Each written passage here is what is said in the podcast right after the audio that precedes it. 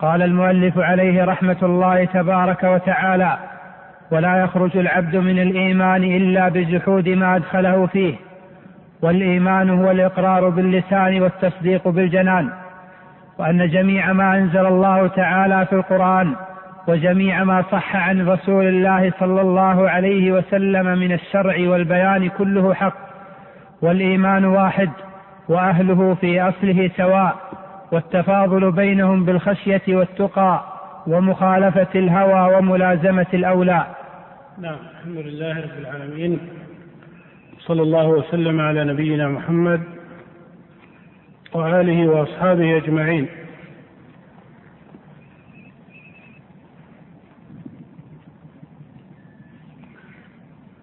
أما الجملة الأولى مما قرئ فإنه تقدم التعليق عليها مجملا. وكما سبق فإن طرفا من الجمل التي سبقت معنا هي نتيجة لتأصيل المصنف لمسألة مسمى الإيمان وهي التي ذكرها بقوله والإيمان هو الإقرار باللسان والتصديق بالجنان. في مقدمة هذه الرسالة التي كتبها الإمام الطحاوي رحمه الله ذكر أنه يقرر معتقد أبي حنيفة وصاحبيه. ومعلوم وقد سبق الإشارة إلى شيء من ذلك أن أخص ما اختص به أبو حنيفة من هذه المسائل هي مسألة مسمى الإيمان. فإن الذي عليه الجماهير من أهل العلم والمقالات أن أبا حنيفة يقول بهذا القول وهو أن الإيمان هو الإقرار باللسان والتصديق بالجنان ومعنى هذا أن العمل ليس داخلا في مسمى الإيمان. ولا شك أن هذا القول ليس هو القول الذي عليه أئمة السنة والحديث وليس هو القول المأثور عن الصحابة رضي الله تعالى عنهم. بل المأثور عن الصحابة رضي الله تعالى عنهم والذي عليه عامة أئمة السلف أن الإيمان قول وعمل. والنزاع في هذه المسألة يعني مسمى الإيمان هو أول نزاع حصل في هذه الأمة في مسائل أصول الدين وأول من خالف في ذلك الخوارج. ثم تبعهم من تبعهم من المعتزلة في الجملة وحدث ما يقابل بدعة الخوارج وهي بدعة المرجئة. وإذا ذكر قول السلف الذي حكى الإجماع عليه غير واحد من الأئمة فإنهم اتفقوا على أن الإيمان قول وعمل. وألفاظ السلف في هذا المقام مختلفة ولكن اختلافها من باب اختلاف الألفاظ. فإن الذي عبر به الجماهير من أئمة السنة والحديث هو أن الإيمان قول وعمل. وعبر طائفة منهم بأن الإيمان قول وعمل واعتقاد. وعبر طائفة منهم كالبخاري في صحيحه على أحد روايتي صحيح البخاري بأن الإيمان قول وفعل. وعبر من عبر بأن الإيمان قول وعمل ونية واتباع للسنة. إلى أمثال ذلك من الجمل المأثورة عن بعض أعيان السلف. وترى أن هذه الجمل ليس بينها اختلاف عند التحقيق. بل هي جمل متفقة من جهة المعنى. وإن كان المأثور عن الجماهير من السلف هو أجود التعبيرات وهو قولهم إن الإيمان قول وعمل. ومرادهم بالقول هنا قول القلب وقول اللسان ومرادهم بالعمل عمل القلب وعمل الجوارح. فأما قول اللسان فبين وأما عمل الجوارح فبين وهي الشرائع الظاهرة كالصلاة والصوم والحج وأمثال ذلك. وأما قول القلب وهو أصل الإيمان عند السلف ومبناه فإن مرادهم به هو تصديق القلب. فهذا هو المراد بقول القلب عندهم. وأما العمل الذي هو عمل القلب فهو حركته بهذا التصديق بأعماله المناسبة له. فقول القلب هو تصديقه وأما عمله فإنه حركته بهذا التصديق بأعماله المناسبة له كالمحبة والرضا والخوف والاستعانة إلى غير ذلك من أعمال القلوب. وعليه ترى أن أصول الإيمان على هذا الاعتبار تكون أربعة تصديق القلب وعمل القلب وقول اللسان وعمل الجوارح. وإذا ذكر على ما ذكره الشافعي وأمثاله وهو الشائع في كلام أكثر المتأخرين من أهل السنة من أنه قول وعمل واعتقاد فإنهم يريدون بالقول هنا قول اللسان ويريدون بالعمل الأعمال الظاهرة والباطنة ويريدون بالاعتقاد التصديق. فالقصد أن هذه الجمل المأثورة عن السلف هي جمل لا خلاف فيها في نفس أو لا خلاف بينها في نفس الأمر. وعلى هذا المعنى أجمع السلف رحمهم الله. وهم يقولون إن الإيمان قول وعمل يزيد وينقص. وزيادته ونقصانه متعلقة بأصوله الأربعة. فليست مختصة بالعمل وحده. بل يزيد وينقص من جهة الأعمال الظاهرة يزيد وينقص من جهة الأقوال. إذا ما فسر القول يعني قول اللسان بغير الشهادتين. ويزيد وينقص في أعمال القلوب بل حتى التصديقات فإنها متفاضلة. وليس بين أهل السنة نزاع في كون الزيادة والنقصان متعلقة بالمحال الثلاث الأولى أعني القول والعمل الظاهر والعمل الباطن. وإنما تكلم بعض أصحاب السنة والجماعة ممن أحسنوا تقرير هذا الأصل في التصديق. ومن ذلك ما ذكره ابن حزم فإنه أعني أبا محمد بن حزم كلامه في أصول الدين ليس على وجه واحد.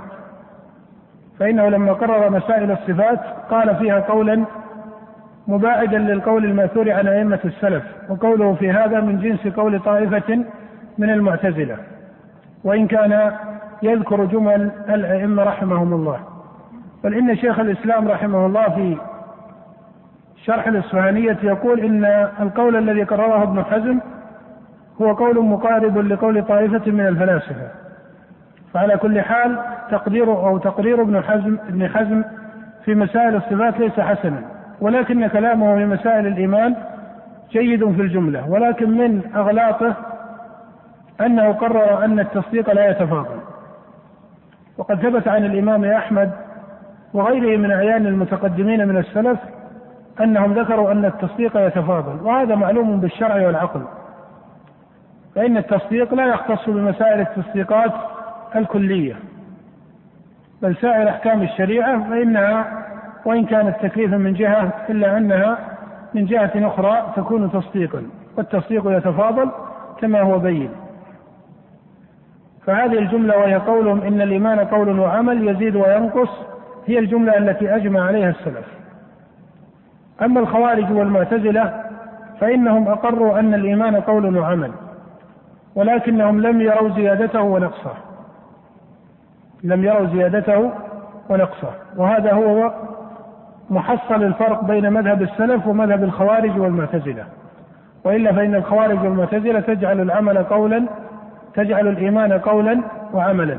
ولكن لا يقرون بأنه يزيد وينقص. وعن هذا قالت الخوارج إن مرتكب الكبيرة يكون كافرا. وقالت المعتزلة إنه يكون فاسقا قد عدم الإيمان. وأما من قابلهم وهم المرجئة فإن سائر طوائف المرجئة أجمعوا على أن العمل ليس داخلا في مسمى الإيمان. وهذا أو هذه الجملة هي جامع أقوال المرجئة أنهم يجعلون العمل الظاهر ليس داخلا في مسمى الإيمان. ثم بعد ذلك اختلفت المرجئة على أقوال. وقد ذكر الأشعري في المقالات أن مقالات المرجئة في مسمى الإيمان ثنتا عشرة مقالة. وقد أجمعوا على أن أشد هذه المقالات غلطا وبعدا عن السنة والجماعة هو قول جهم بن صفوان فإنه قال إن الإيمان هو المعرفة ويقاربه في ذلك قول أبي الحسين الصالحي فإنه يشاركه في هذا القول في الجملة. وأخف مقالات المرجئة هو قول حماد بن أبي سليمان ولا ترى أصلا من أصول الدين قد خالف فيه بعض المعروفين بالإمامة والسنة والجماعة من المتقدمين إلا هذا الأصل. وإلا فإن كلام السلف في الصفات والقدر وأمثالها كلام متصل محكم. وإنما نازع حماد ابن أبي سليمان وهو إمام من أعيان أئمة الكوفة وهو من تلاميذ إبراهيم النخعي. وقد أجمع أهل العلم على أنه من المعروفين بالسنة والجماعة ولكنه غلط في مسمى الإيمان فقال إن الإيمان هو الإقرار باللسان والتصديق بالجنان وأن العمل ليس داخلا في مسمى الإيمان. فهذه البدعة أول من بدعها في أصحاب السنة والجماعة هو حماد بن أبي سليمان وعنه أخذ هذه البدعة أو ومن جهته دخلت هذه البدعة على أبي حنيفة وجماهير أصحابه. وقد أجمع السلف على أن هذا القول بدعة. وإن كانوا يجعلون حماد بن أبي سليمان وأمثاله ممن قال بذلك يجعلونهم من أصحاب السنة والجماعة. فإنهم في جمهور أصولهم على السنة والجماعة. وأيضا فإن هذه البدعة ما كان موجبها عندهم خارجا عن الدليل. وهذه مسألة من فاضل الفقه في مسائل الأسماء والأحكام. يقال إن السلف مجمعون على أن هذه المقالة بدعة.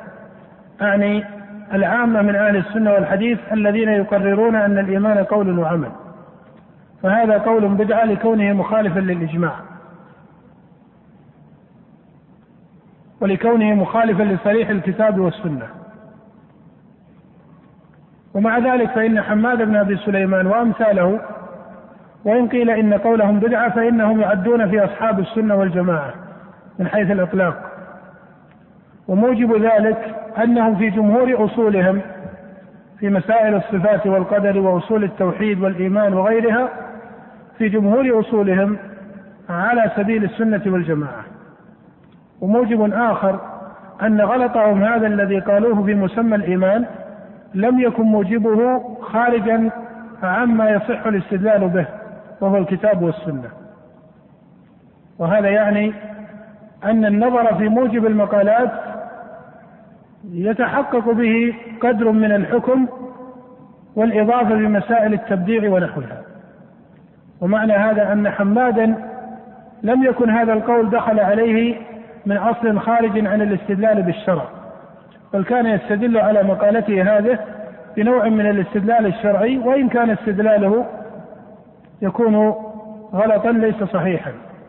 فإن حمادا وأمثاله كانوا يستدلون بما جاء في كتاب الله كثيرا إن الذين آمنوا وعملوا الصالحات كانت لهم جنات الفردوس نزلا. يا أيها الذين آمنوا وإذا ذكر الله سبحانه وتعالى الإيمان ذكره مطلقا. وإذا ذكر الإيمان في مقام ذكره مقيدا بالعمل. فجعلوا ذكر العمل مع الإيمان دليل على أن العمل ليس داخلا في مسماه. ولا شك أن هذا إشكال بين آه، يدفع به مع الحماد وأمثاله أنهم كانوا يستعملون هذا القول على أصول من البدع. ويتحقق التفريق فيما إذا نظرت في أقوال القدرية أو في أقوال معطلة الصفات فإنهم ما كانوا يبنون تعطيلهم على شيء من الاستدلال بالأصول الشرعية. وإنما مبنى هذه الأقوال كما تقدم هي نوع من الشبهات. التي دخلت عليهم من المقالات الفلسفية أو نحوها. وإن كان يستدل من يستدل منهم بما هو من القرآن فهذا ليس هو مبنى أو موجب المقالة في مسائل الصفات ومسائل القدر وأمثالها. ولم يكن حماد بن أبي سليمان رحمه الله لم يكن من المعروفين بشيء من أصول البدع كعلم الكلام ونحوه. ولكنه قال هذه المقالة الغلط الذي أجمع الأئمة على أنه خالف فيها الإجماع. وإذا قيل إنه خالف الإجماع فقد يقول قائل كيف يوفق بين كونه وأمثاله أو أمثاله من ممن يعدون في السنة والجماعة أي في أصحاب السنة والجماعة مع أنه يقال إنه إن قولهم مخالف للإجماع. فإن الجواب هنا أن يقال إنه يراد بالإجماع الإجماع المتقدم. أي أن السلف قبل حماد وهم طبقة الصحابة رضي الله تعالى عنهم ومن قاربهم لم يكن أحد من السلف قبل حماد بن أبي سليمان يقول إن العمل ليس داخلا في مسمى الإيمان. وعن هذا قيل إن قول حماد بن أبي سليمان وأبي حنيفة وأمثالهما قول مخالف للكتاب والسنة والإجماع. وليس من شرط كونه مخالفا للإجماع ألا يضاف حماد وأمثاله ممن قال بذلك من أصحاب السنة إلى السنة والجماعة. بل الإجماع يتحقق من وجه متقدم. ولهذا ترى أن شيخ الإسلام رحمه الله تارة يقول وقد أجمع السلف على أن الإيمان قول وعمل وتارة يقول والقول الذي عليه الجماهير من السلف أن الإيمان قول وعمل وكلا الاستعمالين صحيح. فإنه إذا قال إن السلف أجمعوا فإنه يعني بالإجماع المتقدم على حماد. ومخالفته هنا لا تعتبر لكونه خالف الإجماع المتقدم. وإذا قال إنه قول الجماهير من السلف فإنه يعني بذلك أن حمادا وأمثاله لا يخرجون عن السنة والجماعة خروجا مطلقا. بل هم يعدون في أصحاب السنة والجماعة وإن كان قولهم بدعة بالإجماع فضلا عن كونه غلطا. وأما دلائل قول السلف أن الإيمان قول وعمل فهي متواترة في الكتاب والسنة. فإن الله ذكر العمل كما ذكر الآجر في الشريعة ذكر العمل في بضع وخمسين موضعا هو محصل أو داخل في مسمى الإيمان. وهذا استدلال يستدل به الآجر في الشريعة وإن كان بعضه قد ينازع فيه. ولكن الدلائل متواترة في كون العمل داخلا في مسمى الإيمان. ومما ينبه إليه في هذا المقام على الاختصار أن ورود اسم الإيمان في الكتاب والسنة يرد تارة مطلقا ويرد مقيدا ويراد به في مقام أصله ويراد به في مقام تمامه. فإن الإيمان إذا ذكر في مثل قوله تعالى إن الذين آمنوا وعملوا الصالحات فإن الإيمان يراد به هنا على الصحيح من التفسيرين اللذين أجاب بهما أصحاب السنة والجماعة عن استدلال المرجئة يراد بالإيمان هنا الأصل. وهذه الآية وأمثالها هي أقوى ما استدل به المرجئة ولا سيما الفقهاء منهم على أن العمل ليس داخلا في مسمى الإيمان. وعنها جوابان الجواب الأول وهو المشهور عند المتأخرين أن هذا من باب عطف الخاص على العام ولكن هذه الطريقة وإن كانت في الجملة صحيحة إلا أنها ليست الطريقة الأجود. والطريقة الثانية وهي التي رجحها شيخ الإسلام رحمه الله أن الذي يراد بالإيمان هنا الأصل. وإذا ذكر الأصل فإن العمل يكون لازما فإن العمل يكون لازما له. ولزومه له في مقام لا يستلزم عدم دخوله في ماهيته في مقام آخر. فإن ما كان لازما فإنه يكون تابعا وتعلم أنه لا يمكن في العقل أن ينفك اللازم عن الملزوم. قال شيخ الإسلام وإذا كان العمل لازما في مقام لأصل الإيمان أو لمسمى الإيمان لم يلزم أن يكون في سائر الموارد كذلك ولم يمنع ذلك أن يكون داخلا في ماهيته في نفس الأمر. فهذا هو أحد الجوابين أو هذان هما الجوابان في مثل هذا المورد من كتاب الله. فإما أن يقال إن هذا من باب عطف الخاص على العام وهذا معروف في اللسان وإما أن يقال إن العمل إن الإيمان هنا يراد به الأصل والعمل يكون لازما له. وما كان لازما في مقام لم يلزم أن يكون خارجا عن الماهية. لأنه جاء صريحا في مثل قوله تعالى إنما المؤمنون الذين إذا ذكر الله وجلت قلوبهم وإذا تليت عليهم آياته زالتهم إيمانا وعلى ربهم يتوكلون الذين يقيمون الصلاة. فجعل من أصل الإيمان إقام الصلاة وإيتاء الزكاة إلى غير ذلك من الأعمال الظاهرة. ومثله قوله تعالى وما كان الله ليضيع إيمانكم فإن العامة من السلف فسروها بصلاتهم إلى بيت المقدس.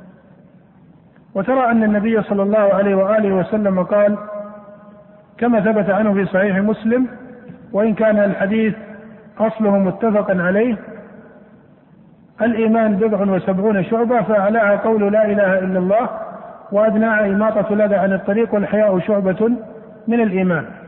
فترى أن الآثار النبوية وأن الكلمات القرآنية متضافرة على تسمية العمل إيمانا.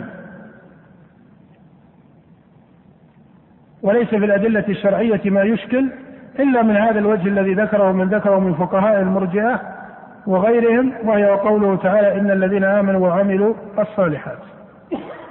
وأما الاستدلال الذي احتج به جمهور متكلم المرجئة وهو الاستدلال من جهة اللغة فإنهم قالوا إن الإيمان في اللغة هو التصديق. وعن هذا قالوا إن الإيمان هو التصديق وعن هذا قالوا إن الإيمان واحد لا يزيد ولا ينقص.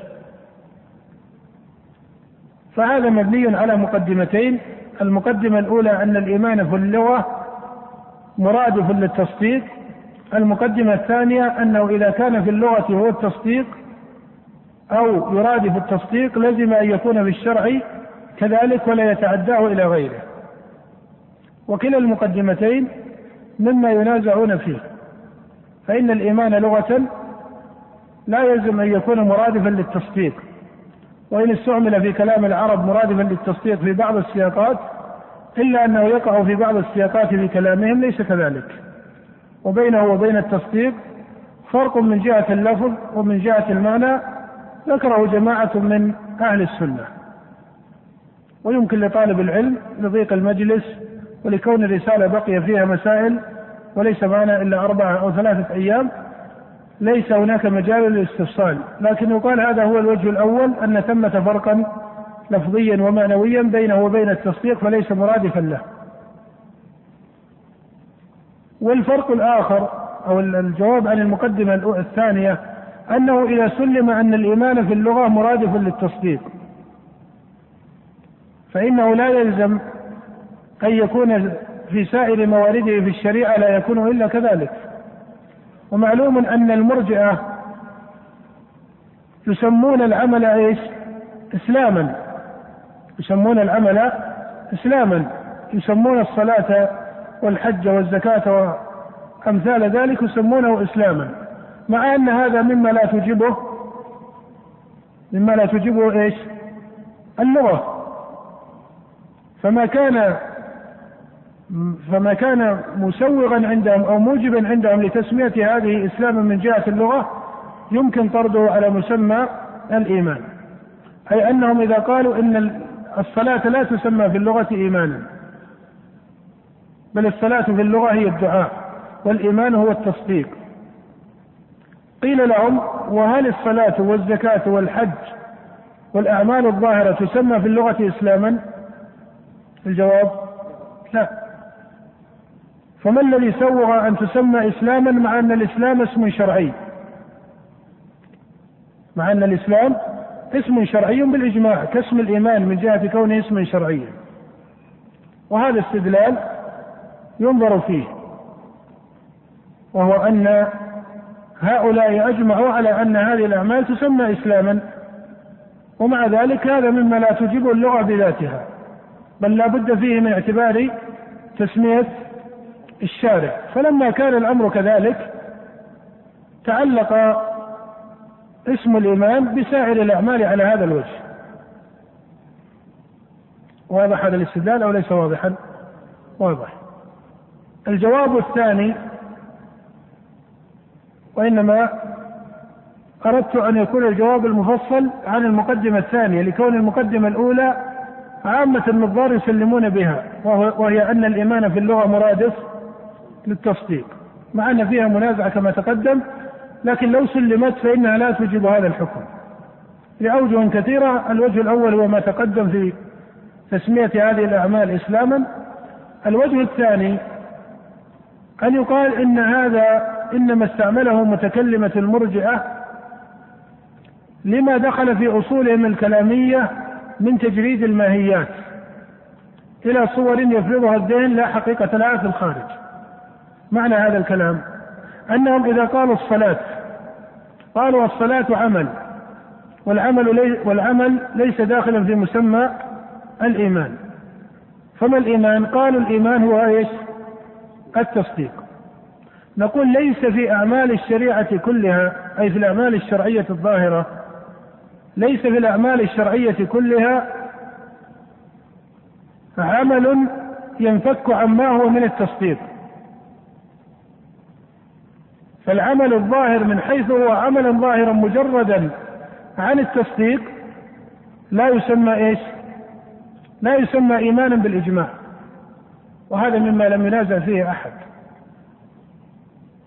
فإن العمل الذي قصد السلف أنه إيمان هو إيش؟ وقالوا الإيمان قول وعمل ما العمل؟ أي عمل؟ إذا أتى الإنسان سمي إيمانا لا المراد بالعمل ماذا؟ العمل الشرعي وهو العمل الذي أوجبه الشارع أو ندب إليه كالصلاة والصيام والطواف بالبيت إلى غير ذلك وإلا فإن الأعمال العادية كلعب بني آدم وحركتهم لا تسمى لا تسمى إيش؟ لا تسمى إيمانا فإذا الصلاة هل يمكن أن تكون الصلاة شرعية وهي مجردة عن التصديق في الباطن وهو التصديق بأن هذه من الصلوات التي أوجبها الله وأن الله أوجبها أربع ركعات كصلاة الظهر وأنه شرعها في هذا الوقت وأنه يقال فيها كذا وأركانها كذا ويتعبد فيها إلى القبلة إلى غير ذلك. فإن هذه وإن كانت أعمالا ظاهرة كالركوع والسجود والقيام والقراءة إلى غير ذلك إلا أنها متعلقة بما بالتصديق. ولهذا لو أن أحدا صلى صلاة الظهر خمسا فإنه يسمى عمله إيمانا أو يسمى بدعة وضلالا. يسمى بدعة وضلالا. وكذلك العمل الذي يتجرد عن أصل التصديق كالأعمال العادية عند بني آدم لا تسمى إيش؟ إيمانا. فتحقق من هذا أن سائر الأعمال الظاهرة الشرعية ليست هي مجرد أعمال ظاهرة منفكة عما هو من التصديق. وقد تفطن بعض أئمة المرجئة من المتكلمين إلى هذا فقالوا العمل من حيث هو هو ليس إيمانا. قيل العمل من حيث هو هو ليس له وجود في الخارج يمكن أن يسمى إيمانا عند أحد من المسلمين. واضح ليس واضحا؟ فهم يقولون الصلاة من حيث هي هي يعني كحقيقة مجردة ظاهرة. قيل الحقيقة المجردة الظاهرة عن التصديق لا يلتفت إليها ولا أحد من المسلمين يصلي هذا الصلاة. ولا أحد من المسلمين يصلي هذه الصلاة. ولهذا لو أن الإنسان كحركة من حركات لعبه أو رياضته مثلا أتى بحركة تشاكل حركة الركوع. هل يسمى راكعا في الشرع؟ وأن عمله هذا يسمى إيمانا؟ لا. ولكن إذا أدى هذا داخل ركن من أركان الصلاة يسمى إيش؟ يسمى ركوعا شرعيا ويسمى إيمانا. فتحقق من هذا أن الأصول الشرعية والعقلية واللغوية إذا سلمنا أن الإيمان مرادف للتصديق فإن كل ما تضمن التصديق وتحقق به فإنه يسمى إيمانا. ولهذا فإن في الصلاة وإن كانت عملا ظاهرا من جهة إلا أن فيها تصديقات وفيها أعمال قلوب. فإذا لم تكن الصلاة إيمانا امتنع أن تكون إسلاما. وامتنع أن يكون الإيمان حتى التصديق. وعليه فإن قولهم إن العمل ليس داخلا في مسمى الإيمان لأن الإيمان هو التصديق يقال هذا تناقض في العقل فضلا عن مخالفته للشرع فإنه مبني على مقدمة مفروضة يفرضها الذهن وهي أن العمل الظاهر يمكن تجرده عن أو نقول بعبارة أدق أن العمل الظاهر الذي سماه السلف إيمانا يمكن تجريده عن التصديق وليس الأمر كذلك. ولهذا ترى أن كل عبادة من العبادات الظاهرة لا بد أنها متحققة بأصل من التصديق ومن شرطها الإخلاص والإيمان. إلى غير ذلك. ولهذا من صلى صلاة وقال إن الصلاة ما شرعها الله وإنما قالها من قالها مثلا من الفقهاء. فإن هذا يسمى إيش؟ يسمى كافرا ولا تكون صلاته صلاة شرعية. وترى أن من أخص أصول الصلاة الإقرار بوجوبها والإقرار بمواقيتها. إلى غير ذلك وهذه التصديقات قد يكون بعضها محكما كعدد ركعات الصلوات وأمثاله وقد يكون بعضه محل اجتهاد واختلاف كالقول في التشهد الأول أهو من واجباتها أم من مستحباتها؟ على خلاف يختلف فيه من يختلف من الفقهاء. لكن ترى أن كل عمل ظاهر فإنه لا ينفك عن القلب تصديقا وعملا. وعليه فإن قول المرجئة قول مناقض للعقل. فإنهم إنما فروا لكون العمل الظاهر ليس تصديقا. فنقول ليس في أعمال الشريعة عمل ينفك عن التصديق بل لا بد أن يكون مبنيا عليه. فإن قالوا إن التصديق الذي في الصلاة يسمى إيمانا والحركة الظاهرة لا تسمى إيمانا قيل هذا فرض يفرضه الذهن لا وجود له في الخارج. فإنه إذا تجرد هذا العمل عن التصديق ما سمي ما سمي ما سمي صلاة وما سمي ركوعا وما سمي سجودا. إذا قالوا إن التصديق الذي في الصلاة يسمى إيمانا وأما حركتها فليست إيمانا قيل هذا فرض يفرضه الذهن لا وجود له في الخارج. فلا يوجد في الخارج إلا حركة يقصد بها التعبد أو حركة لا يقصد بها التعبد. أما حركة يقال إن تصديقها إيمان وأنها هي من حيث هي كما يقول هؤلاء ليست إيمانا فهذا مما لا وجود له في الخارج. فإن من حنى ظهره إما أن يكون راكعا لله سبحانه وتعالى في صلاة من الصلوات وإما أن يكون فعل ذلك لغرض وموجب احتاجه من أجله. ومعلوم أنه في الأول يسمى عمله إيمانا وفي الثاني لا يسمى إيمانا. وأما فك هذا عن هذا مع في حال واحدة فهذا من فرضات الذهن التي لا وجود لها في الخارج. وهنا ترى أن قول السلف رحمهم الله إن الإيمان قول وعمل هو الذي توجبه اللغة. حتى ولو فسر الإيمان بما بالتصديق. حتى ولو فسر الإيمان بالتصديق فإن اللغة توجب ذلك من هذا الوجه. وكذلك هو الذي يوجبه العقل. فإنما صح تسميته إيمانا صح تسميته أو عفوا فإنما صح تسميته إسلاما من الأعمال صح تسميته إيمانا. وقد غلط بعض المرجع فظنوا أن السلف إنما سموا الأعمال إسلاما لكون المنافق يأتي بها بخلاف الإيمان. ولا شك أن المنافق يسمى مسلما ولا يسمى مؤمنا. ولكن ليس هذا هو الموجب من جهة الإطلاق. وإنما ذلك من جهة أن الإيمان أصله في القلب وأنه أخص بالأعمال الباطنة وأن الإسلام أخص بالأعمال الظاهرة. فهذا هو محصل ما ذهب إليه أئمة السلف رحمهم الله وتبين من هذا أن قولهم هو الموافق للشرع والموافق للعقل والموافق للغة.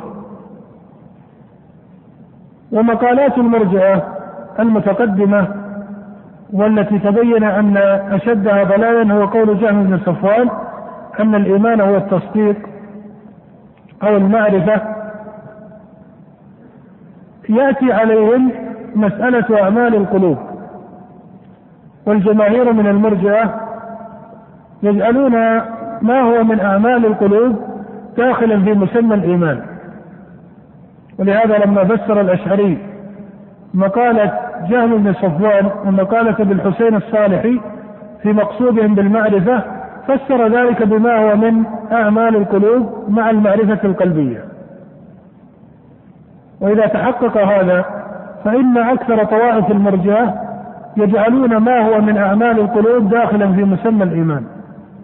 وإذا كان داخلا في مسمى الإيمان لزم من هذا أن يكون العمل الظاهر داخلا في مسمى الإيمان. فإنما كان جوابا عن الأعمال الظاهرة فإنه يمكن أن يجاب فإنما كان جوابا عن الأعمال الباطنة عندهم يمكن أن يجاب به عن الأعمال الظاهرة.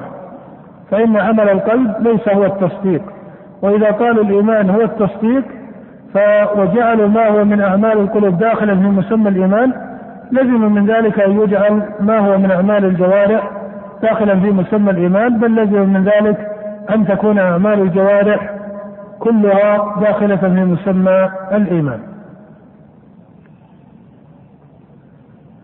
من مسائل هذا الباب وأصوله أن القول الذي قاله حماد بن أبي سليمان وأبو حنيفة تكلم كثير من أهل العلم في معية هذا الخلاف بينه وبين القول الذي عليه عامة السلف.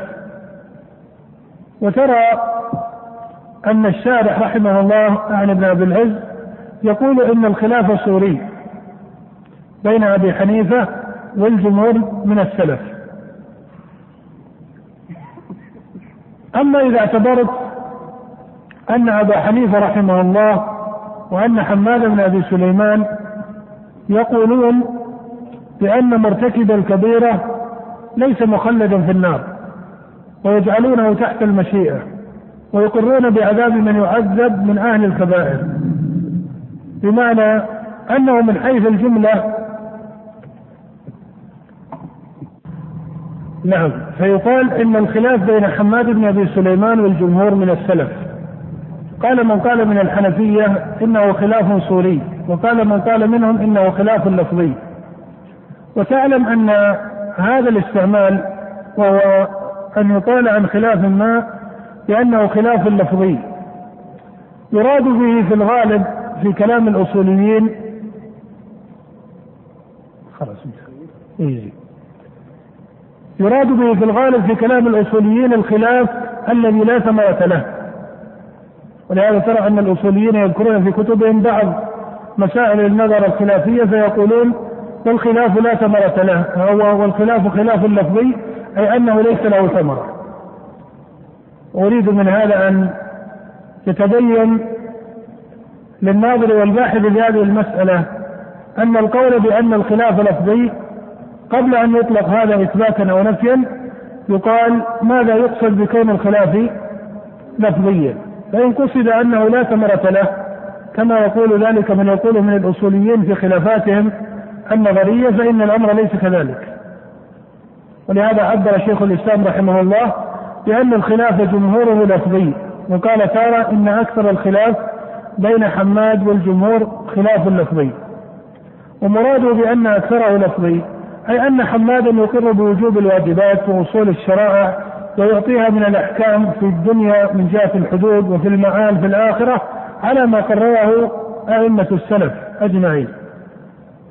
وإنما لا يسمي هذه الأعمال الظاهرة إيمانا. ومن هنا كان الخلاف لفظيا. وأما أو عفوا كان أكثر الخلاف لفظيا. وأما جهة الفرق فهي من وجوه. من أخصها أن عدم تسمية العمل الظاهر إيمانا مخالف للكتاب والسنة فإن الله سماها إيمانا. ولما سميت في كلام الله ورسوله إيمانا فإن منع تسميتها إيمانا يكون أحد أوجه المخالفة. فهذا مخالفة للكتاب والسنة من حيث التسمية.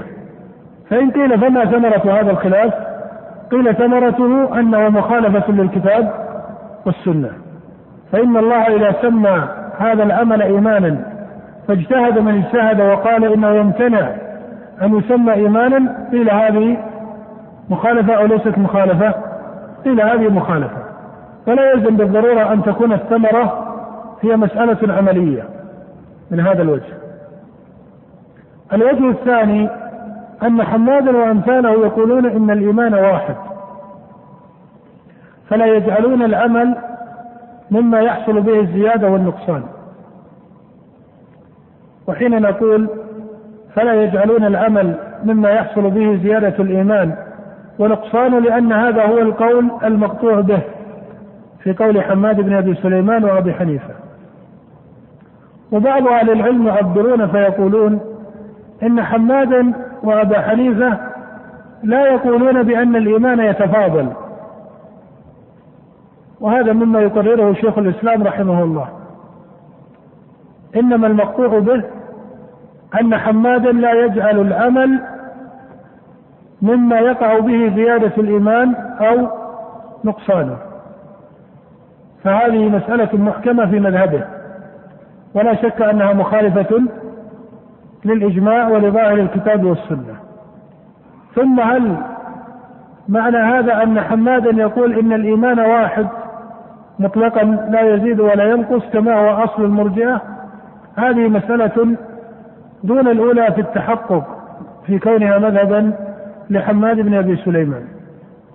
وإن كان شيخ الإسلام رحمه الله يجزم بذلك ويقول ومن الفرق بين قول حماد وقول الجمهور أن حمادا وأمثاله لا يجعلون الإيمان متفاضلا ويجعلون أهل الإيمان في إيمانهم على حال واحدة. وهذا ينبني على صحة النقل في المذهب. وإلا فإن قول حماد لازمه هذا القول فإنه يلزم على قوله أن الإيمان يكون واحدا ليس متفاضلا. لكن تعلم أن لوازم المذاهب ليس بالضرورة أن تكون مذاهب تضاف إلى أعيان القائلين بأصل المذهب. ولهذا يتردد فيما أحسب في هذا الإطلاق وإن كان يجزم بكونه لا يجعل الأمر موجبا لزيادة الإيمان. فهذه مسألة دون الإطلاق. ومن الفرق كذلك وهو فرق أصل في هذا الباب أنه على طريقة حماد وأبي حنيفة لا يكفر العبد بتركه للأعمال الظاهرة سواء كان تركه لجنس الأعمال الظاهرة أو كان تركه لبعض أعيانها. فإن قيل فما جاءت المخالفة في هذا الفرق؟ قيل أما من جهة جنس الأعمال الظاهرة المأمور بها وأخصها الصلاة ثم الزكاة والصوم والحج إلى غير ذلك من الأعمال الظاهرة. قيل أما جنسها فإن الإجماع منعقد على أن من هجر جنس العمل الظاهر فإن هجره له كفر. وهذا مذهب مستقر عند متقدمي أئمة السلف المخالفين لحماد بن أبي سليمان. وقد رواه من متأخر المحققين الإمام ابن تيمية رحمه الله في مواضع من كلامه. وإن كان بعض من تكلم في هذه المسألة يذكر عن شيخ الإسلام ما هو مخالف لذلك وليس الأمر كذلك. بل لا شك أنه يرى أن من قامت عنده القدرة والإرادة الموجبة لحصول المقدور والمراد ومع هذا كله هجر جنس العمل فما ركع لله ركعة ولا سجد له سجدة ولا صام يوما ولا أتى البيت الحرام ولا أدى زكاة فإن هذا لا يكون إلا كافرا. وقد قال إسحاق ابن إبراهيم كما رواه الخلال وغيره بسند صحيح وهو من أعيان المتقدمين قال غلت المرجئة حتى كان من قولهم أن من ترك الصلاة والصيام والزكاة والحج وعامة الفرائض من غير جحود لها لا نكفره إذ هو مقر. قال فهؤلاء الذين لا شك عندي أنهم مرجئة. وكلمة إسحاق هذه هي أصرح كلمة أثرت عن المتقدمين في هذه المسألة التي تكلم فيها كثير من المتأخرين والمعاصرين. يقول إسحاق ابن إبراهيم رحمه الله وهو من أعيان أئمة الحديث المعروفين يقول غلت المرجئة. حتى كان من قولهم أن من ترك الصلاة والصيام والزكاة والحج وعامة الفرائض من غير جحود لها لا نكفره. إذ هو مقر أي لا يكفر لكونه مقرا عندهم. قال فهؤلاء الذين لا شك عندي أنهم مرجئة. وجنس هذا يقارب هذه الكلمة جاء عن سفيان بن عيينة. وقد حكى الآجري وأبو عبد الله بن بطة الإجماع على هذه المسألة. وإجماع السلف على هذه المسألة يعرف من أوجه. الوجه الأول أن العمل عندهم أصل في الإيمان. ولما كان أصلا فإن عدمه كفر. والوجه الثاني أن هجر جنس العمل لا يكون إلا مع نوع من الكفر الباطن وإذا كان كذلك فهذا ليس معناه أنه لا يكفر بالأعمال الظاهرة لأنه بإجماع المسلمين بل وبصريح العقل لا يمكن أن تقول إن هذا كافر في نفس الأمر بعمل ظاهر ويكون في نفس الأمر مؤمنا إيش؟ مؤمنا في الباطن فإن من ثبت كفره في نفس الأمر أي في الحكم الشرعي ووافى ربه بالكفر الظاهر لا بد أن يكون في الباطن إيش؟ كافرا. وما يبقى معه من العلم والمعرفة الباطنة فهي من جنس العلم والمعرفة التي تقع لكثير من الكفار. بعض المعرفة بمسائل الربوبية أو كحالهم إذا ركبوا في الفلك دعوا الله مخلصين له الدين إلى غير ذلك.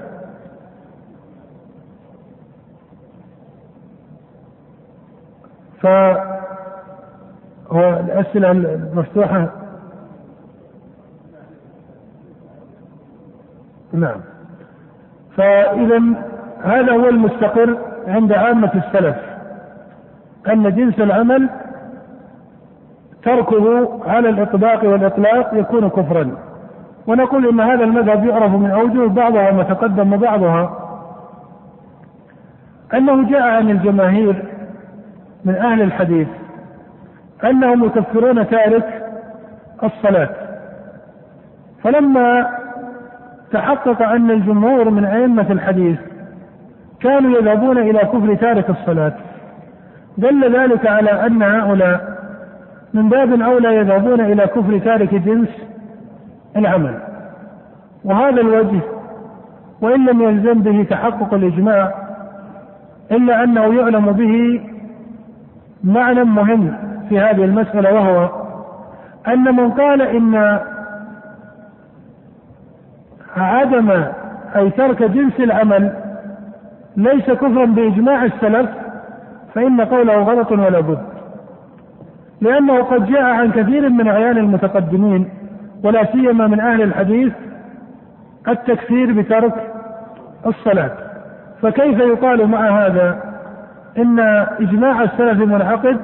على أن ترك العمل مطلقا ليس كفرا مع أنهم كفروا تارك الصلاة. وإنما يتحقق هذا المعنى ولا يتحقق الإجماع به لأن هذا مبني على أن ترك الصلاة هل هو من معاقد الإجماع أن تركها كفر أو ليس كذلك؟ وهنا المحقق أن بين جنس العمل وبين آحاده فرق. فأما جنس العمل وأصوله الأركان الأربعة الصلاة والزكاة والصيام والحج فإن من عدم جنس العمل بأصوله الأربعة وأصول الفرائض فإن هذا لا يكون إلا كفرا. وأما من ترك ما دون الفرائض الأربع من الواجبات الظاهرة فإن هذا ليس كفرا. وإنما تنازع السلف رحمهم الله في الأركان الأربعة. وإذا قيل هل الأركان الأربعة من جهة أحادها ثبت فيها إجماع قيل لم يعطى الإجماع منضبطا أو عدم منضبط إلا في مسألة الصلاة وحدها. فإن إسحاق بن إبراهيم كما ذكر ذلك محمد بن نصر عنه بإسناد متصل إليه وذكروا عن أيوب السختياني أنهم كانوا يحكون الإجماع على أن ترك الصلاة كفر. وكان إسحاق يقول مضت سنة رسول الله صلى الله عليه وسلم وأصحابه من بعده إلى زماننا هذا أن من أدركته فريضة فما أداها إلى أن خرج وقتها فإنه يكون كافرا.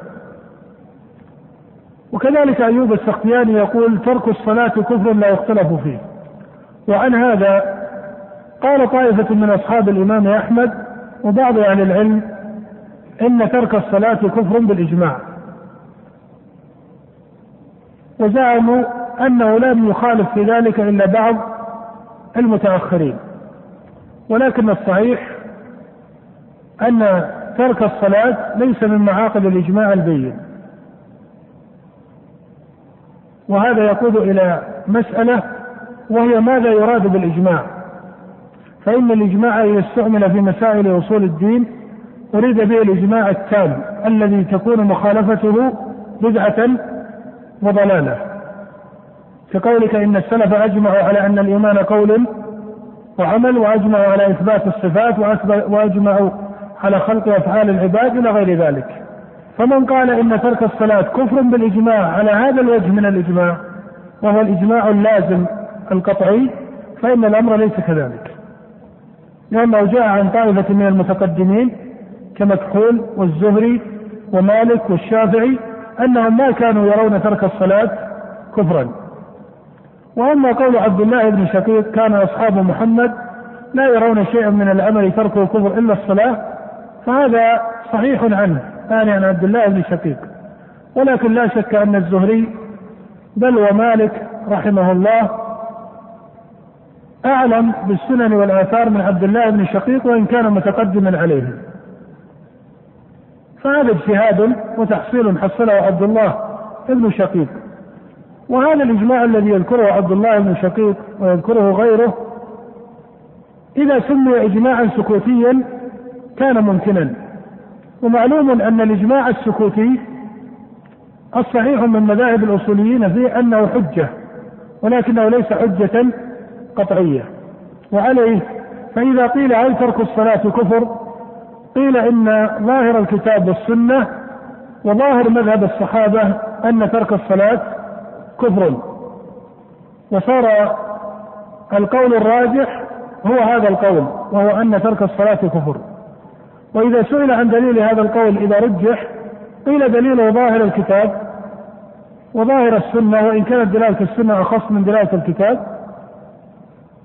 ولكن يقال أيضا من دلائل كون ترك الصلاة كفرا أنه هو ظاهر مذهب الصحابة. فلم يصح عن صحابي من الصحابة أنه صرح أن ترك الصلاة ليس إيش؟ ليس كفرا. ولكن تحقق بالضبط أن جماعة من الصحابة صرحوا بكون ترك الصلاة كفرا. وابن شقيق يقول إنه لم يخالف فيه أحد. فيكون هذا استدلالا حسنا. ويسمى إجماعا على معنى أنه إجماع سكوتي. ولكنه ليس إجماعا قطعيا لأن الإجماع القطعي يكون حجة لازمة. من اجتهد بخلافه فقد قال بدعة. وإذا اجتهد مجتهدا بخلافه سمي اجتهاده غلطا وبدعة ولا يجوز لأحد من بعده أن يقلده فيه. وعلى هذا يلزم أن قول من يقول بأن ترك الصلاة ليس كفرا يلزم أن يكون هذا القول بدعة ويلزم أنه قول مخالف بصريح الكتاب والسنة ويلزم أن يكون هذا القول لا تجوز متابعته ولا يجوز اعتباره كسائر البدع. وما كان قدر السلف وما كان قدر هذه المسألة عند جماهير السلف كذلك. صحيح أن إسحاق قال ذلك لكنه شاد في تحصيل الإجماع ولا سيما أنه قال من زمان رسول الله إلى زماننا هذا.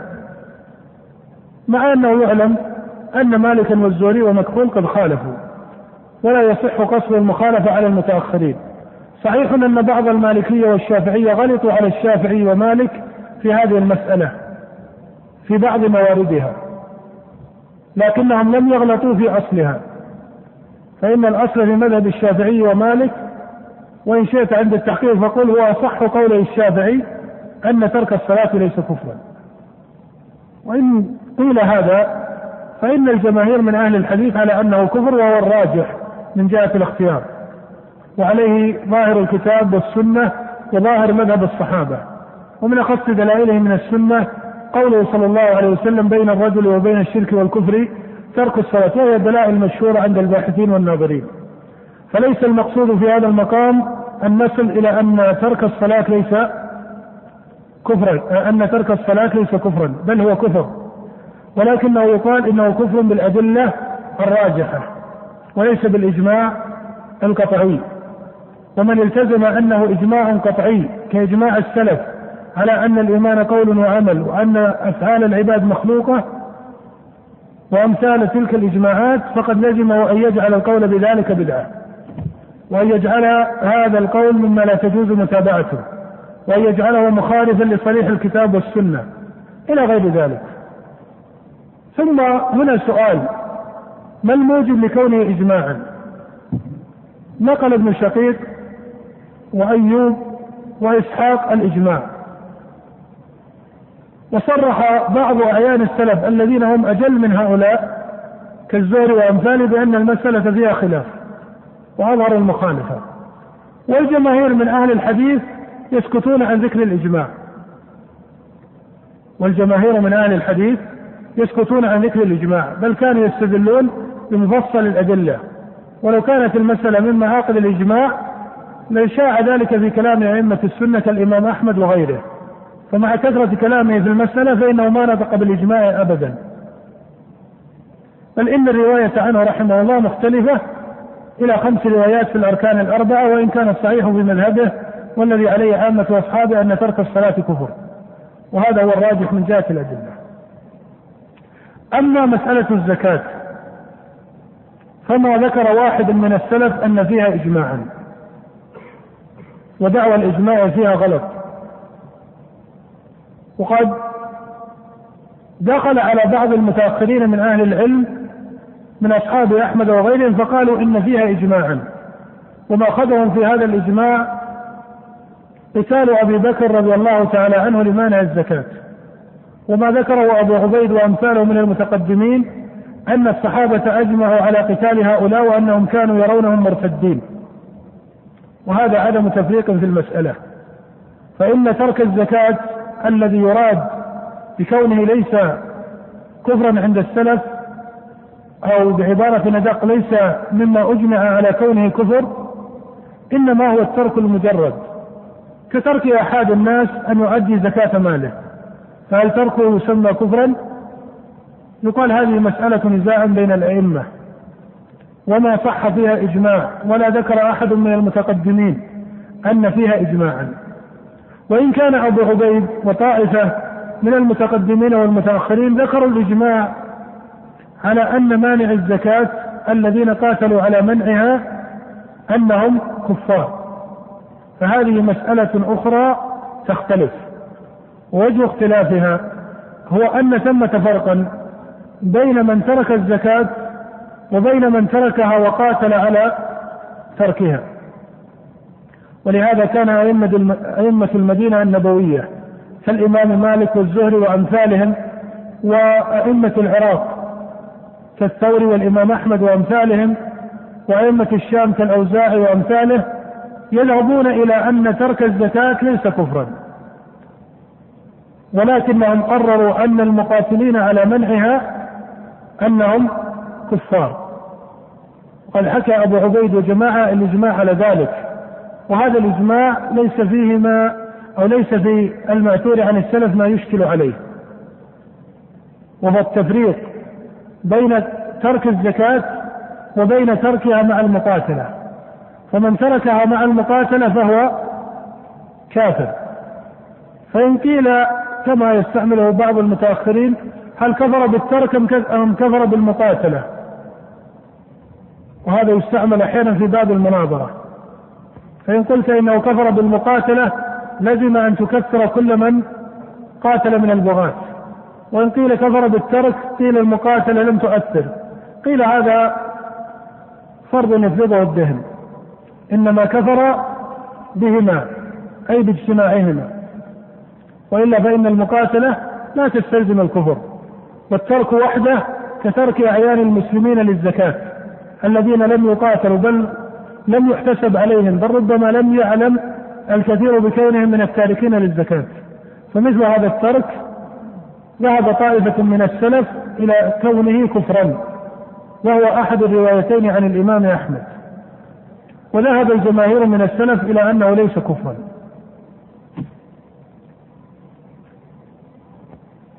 والإمام أحمد رحمه الله في بعض رواياته يقول ليس شيء من العمل تركه كفر إلا الصلاة والمقصود من هذا أنه لم يقل أحد من أهل العلم أن ترك الزكاة تركا مجردا عن المقاتلة وهو ترك الآحاد من المسلمين أنه أنه إيش؟ أنه كفر بالإجماع ولا ينتقد تسميته كفرا فإن القول بكونه كفرا قول قاله طائفة من السلف وهو أحد الروايتين عن الإمام أحمد رضي الله تعالى عنه. ولكن دعوى الإجماع في مسألة الزكاة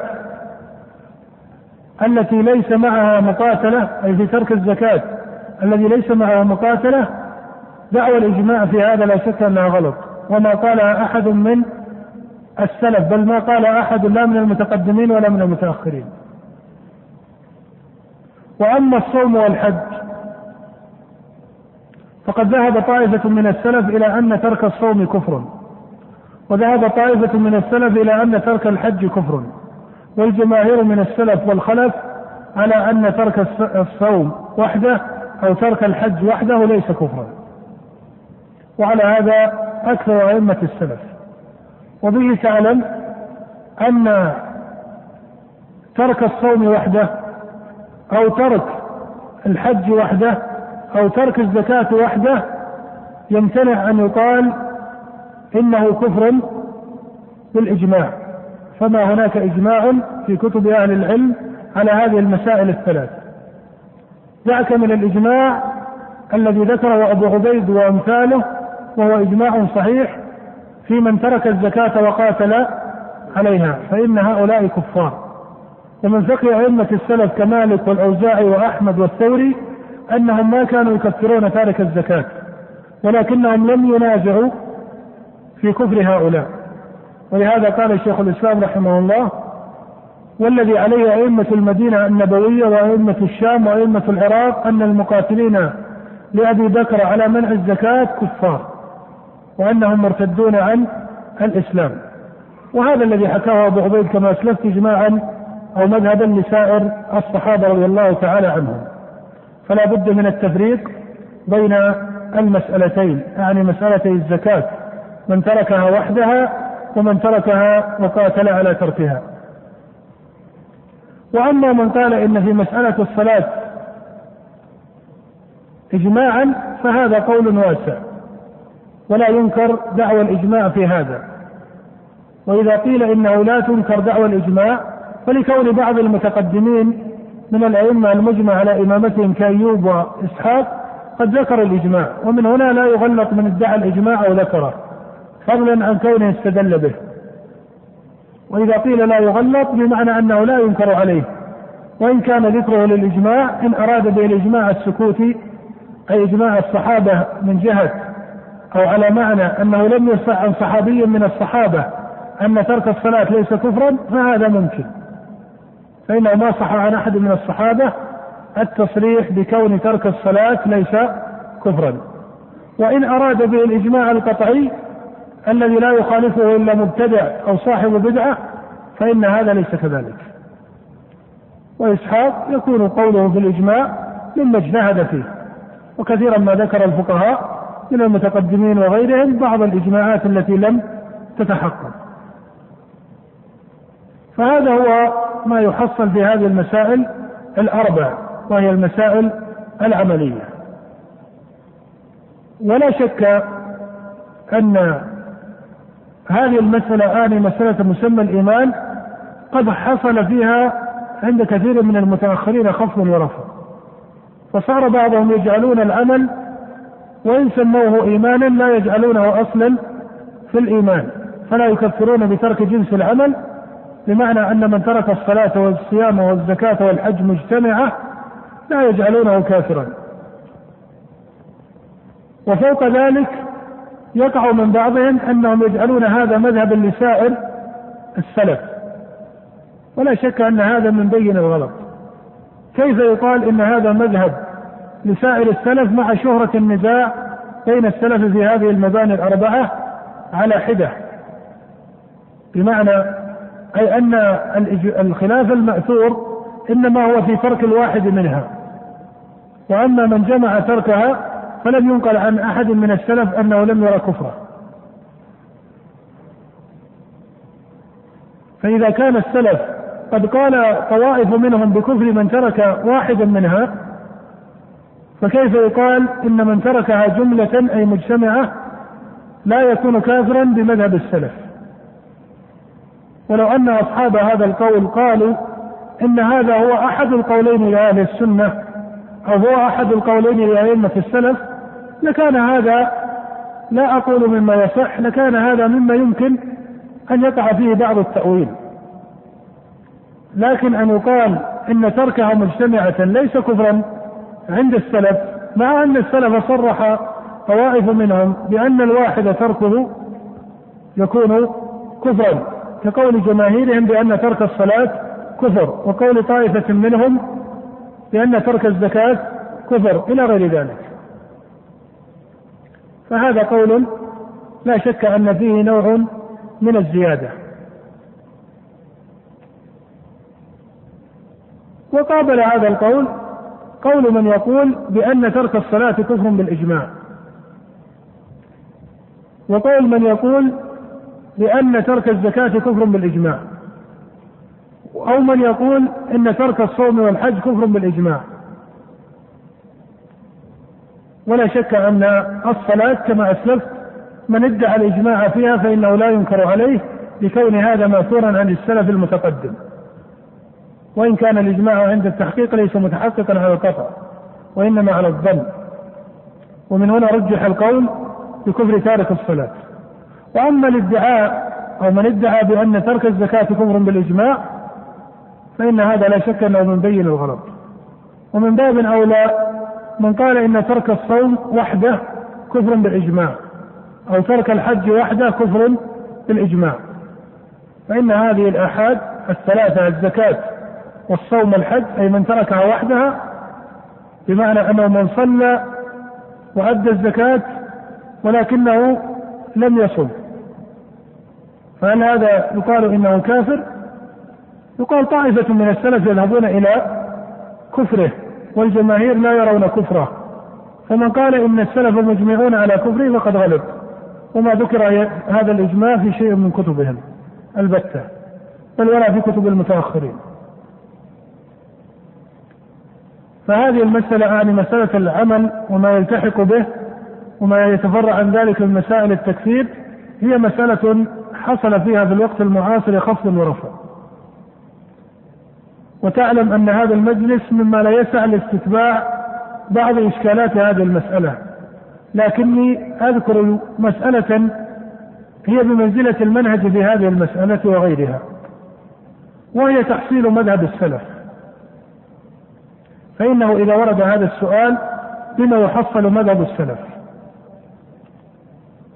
قيل الطريقة المعتبرة عند المحققين من أرباب السنة والجماعة أن مذهب السلف يعرف بأحد وجهين واستعمل بعض المتأخرين من متكلمة الصفاتية المعظمين للسنة والجماعة وبعض الفقهاء طريقا ثالثا هو الذي يستعمله بعض المعاصرين.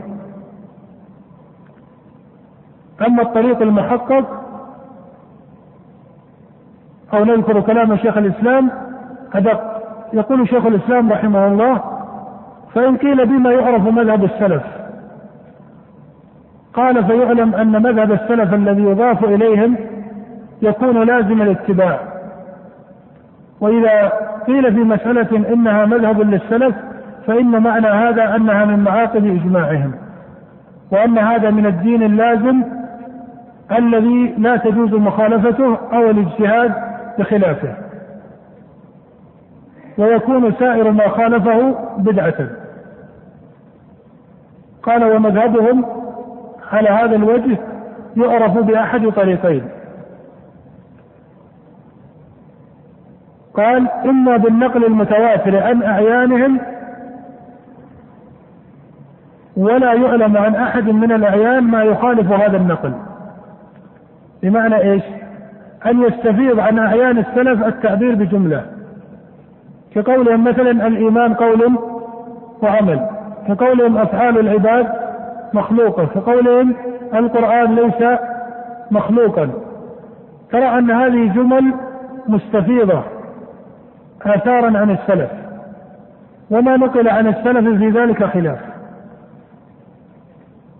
فهذا الوجه الأول أن مذهبهم يعرف بالنقل المتواتر المستفيض الذي ليس معه مخالفة لمن هم في طبقتهم الوجه الثاني قال بذكر علماء الإسلام الكبار وهذه عبارته رحمه الله عن شيخ الإسلام. قال بذكر علماء الإسلام الكبار أي المعتبرين والمحققين. عن شيء من هذه المسائل أنه مذهب للسلف. فإذا صرح الأكابر بأن هذا أو هذه المسألة هي مذهب للسلف فإن هذا ينتظم. ولا شك أن الوجه الثاني إنما ينتظم إذا لم يعرف عن أحد من السلف أو لم يعرف في مذهب السلف مخالفة لما ذكره بعض الكبار وإلا صار هذا من التحصيل المظنون كقول إسحاق أجمع الناس من زمان رسول الله إلى زماننا هذا ومعلوم أن إسحاق من الأكابر. لكن لم يقل إن إجماعه قطعي لكون المخالفة قد ظهرت ممن هم أجل من كالزهري وأمثاله. فهذان الوجهان بهما يعرف مذهب السلف. قال رحمه الله عن شيخ الإسلام ابن تيمية قال واستعمل كثير من المنتسبين إلى السنة والجماعة من أصحاب الكلام وبعض الفقهاء من أصحاب الأئمة. طريقا ثالثا لتحصيل هذا المذهب.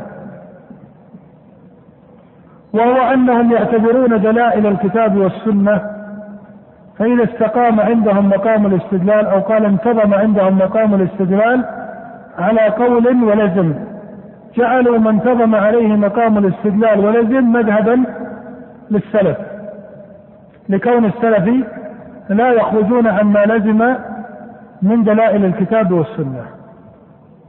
وهذا ما يمكن أن نعبر عنه بطريقة ملخصة وهي تحصيل مذهب السلف بالفهم.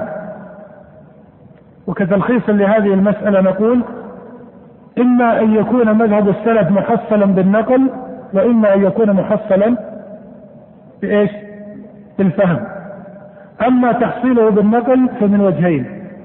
اما النقل المتواتر المستفيض عن اعيانهم أن يصرحوا بجمل كاستفاضة مسألة القرآن أو مسألة الرؤيا أو غيرها وإما بتنصيص العلماء المحققين من الكبار أن هذه المسألة إجماع للسلف أو أنها مذهب للسلف وهذا الوجه وهذا الوجه كما ترى أنه نقل. الوجه الثالث المحدث الذي يقول شيخ الإسلام إنه دخل على كثير من المتأخرين حتى من الفقهاء وهو من أخص موجبات غلطهم على السلف. هو تحصيل مذهب السلف بما بالفهم. معنى هذه الطريقة أي أنه يجتهد في نصوص الكتاب والسنة فيرى أن النصوص تحصل مذهبا واحدا لا ثاني له. فيرى أن هذا المذهب الذي تحصل باجتهاده أنه هو وحده الممكن في المسألة لا يمكن غيره يجعله إيش؟ أو يجعله يجعله مذهبا للسلف. لما؟ قال لأن الأدلة من الكتاب والسنة لا تدل إلا على هذا القول. والسلف لا يخرجون عن الكتاب والسنة. هذا التحصيل على هذا الوجه لا شك أنه غلط. ومعلوم أن القول إذا قيل إنه مذهب للسلف فمعناه أن ما خالفه يكون بدعة. ومن فروع الوجه الثالث وهو وجه الفهم أو تحصيل مذهب السلف بطريقة الفهم وهي طريقة غير مناسبة كما حرر شيخ الإسلام من فروعه أن بعض الناظرين في بعض مسائل فقه الشريعة إذا رجح عندهم قول بما استعملوه من الأدلة النبوية المفصلة قالوا إن من هدي السلف كذلك. إن من هدي السلف ذلك. وجعلوا هذه المسألة من المسائل التي يحصل بها التمييز للسلفي من غيره. كمسألة وضع اليدين على الصدر بعد القيام من الركوع. فيجتهد بعض أهل العلم من السلفيين فيجعلون السنة في وضعها طردا لحديث سهل بن سعد. ويجتهد آخر فيرى أن السنة في عدم وضعها. فلا شك أن هذا الاجتهاد وهذا الاجتهاد كلاهما اجتهاد صحيح ومعنى كونه صحيحا مع أن الحق في نفس الأمر لابد أن يكون واحدا. المقصود أن كلا القولين من الأقوال الفقهية الممكنة المعروفة عند الفقهاء. لكن الإشكال أن تجعل السنة اللازمة السلفية هي أحد الوجهين. فمعناه أن من ترك وضعهما يكون عند طائفة مخالفا لهدي سلفي. أو بالعكس من وضعهما يكون عند طائفة مخالفا لهدي سلفي ولا شك أن هذا المنهج منهج غلط لأنه يلزم على ذلك ماذا؟ أن كل من اجتهد في مسألة فقهية فرجح قولا هو الظاهر عنده من دلائل الكتاب والسنة أن يجعله هو إيش؟ هو مذهب السلف. ولا ترى أن إماما واحدا من أئمة السلف في مسائل النزاع التي كانوا يتنازعون فيها كانوا يطرون هذا الباب. أي يطرون أن ما خالف أقوالهم يكون إيش؟ بدعة. لأنك إن قلت إن هذا العمل أو هذا القول هو قول السلف أو هو المذهب السلفي لزم أن ما خلفه إيش؟ يكون بدعة. ولا ترى أن أحمد كان يعد من خالفه من الفقهاء على بدعة. ولا الشافعي ولا مالك ولا أبا حنيفة إلى غير ذلك. وإنما يستعملون مذهب السلف والذي عليه أئمتنا والإجماع إلى غير ذلك في مسائل الأصول. وأما مسائل الفقه المفصلة التي تنازع فيها المتقدمون من السلف فلا يصح لواحد من الأعيان إذا اختار قولا من أقوالهم أن يجعله مذهبا للسلف. كيف يجعله مذهبا للسلف؟ وهو يعلم أن أئمة من أئمة السلف يخالفونه في هذا. وإنما يقول هو أحد قولي السلف. بل لكون هذا الباب أعني مسائل الفقه المختلف فيها بعيدا عن هذه الإضافة السلفية ترى أن جمهور تعبيرهم يعبرون باسم الفقه وأمثاله. فيقولون اختلف الفقهاء والذي عليه الفقهاء وأحد قولي الفقهاء إلى غير ذلك. ولا شك أن القول الذي يظهر للمجتهد أو الناظر أنه هو القول الذي دلت عليه الأدلة النبوية أو القرآنية أو الشرعية بوجه عام لا شك أنه من استعمله يرى أنه هو القول الراجح. لكن لا يلزم من ذلك أن يكون هو القول الذي عليه السلف فإن هذا ممتنع. ممتنع ببداهة العقل. لماذا؟ لأن السلف مختلفون. إذا قلت عن قول إنه مذهب للسلف فإن هذا كأنه يعنى به أن السلف اتفقوا والأمر ليس كذلك. إلا على فرض أنه كان يلزم سائر أئمة السلف أن يقولوا بهذا القول وأنهم خالفوا الحق في هذه المسألة. ولا شك أن الجزم في موارد الاجتهاد على هذا الوجه لا شك أنه غلط بالإجماع. فإذا من أخص ما يفقه طالب العلم وفيما أحسب أنها من أخص موجبات اختلاف كثير من أهل العلم والباحثين لهذه المسألة في هذا الوقت وقبل هذا الوقت هو تحصيل مذهب السلف بالفهم. وهذه كما قرر شيخ الإسلام طريقة محدثة استعملها بعض المعظمين للسلف. وفي أول كلامه يقول ولم يكن من شأن متقدم أهل البدع كالجهمية والمعتزلة انتحال مذهب السلف. قال فلما جاء الأشعري وأمثاله من المعظمين للأئمة والسنة والجماعة ووافقهم على هذا من وافقهم من الفقهاء من المائلين لأصول الأئمة وطريقتهم صاروا يحصلون هذا المذهب الذي عظموه بهذه الطريقة. قال لأن علمهم بالنقل المتواتر عن أعيان السلف علم مجمل. قال وعلمهم بموارد الإجماع عند السلف علم مجمل فاستعملوا هذه الطريقة في تحصيلهم لمذهب السلف ولهذا ترى أن الأشعري كنتيجة لهذه الطريقة يقول مثلا في المقالات وهو يذكر مقالة أهل السنة والحديث وأجمعوا على أن الله ليس بجسم هل السلف نطقوا بهذا؟ هل تواتر عن أعيانهم أن الله ليس بجسم؟ هل قال أحد من أعيانهم أجمع السلف أنه أو أجمع الأئمة أو أجمع أصحابه أن الله ليس بجسم؟ الجواب لا، من أين الأشعري؟ استعمل طريقة الفهم.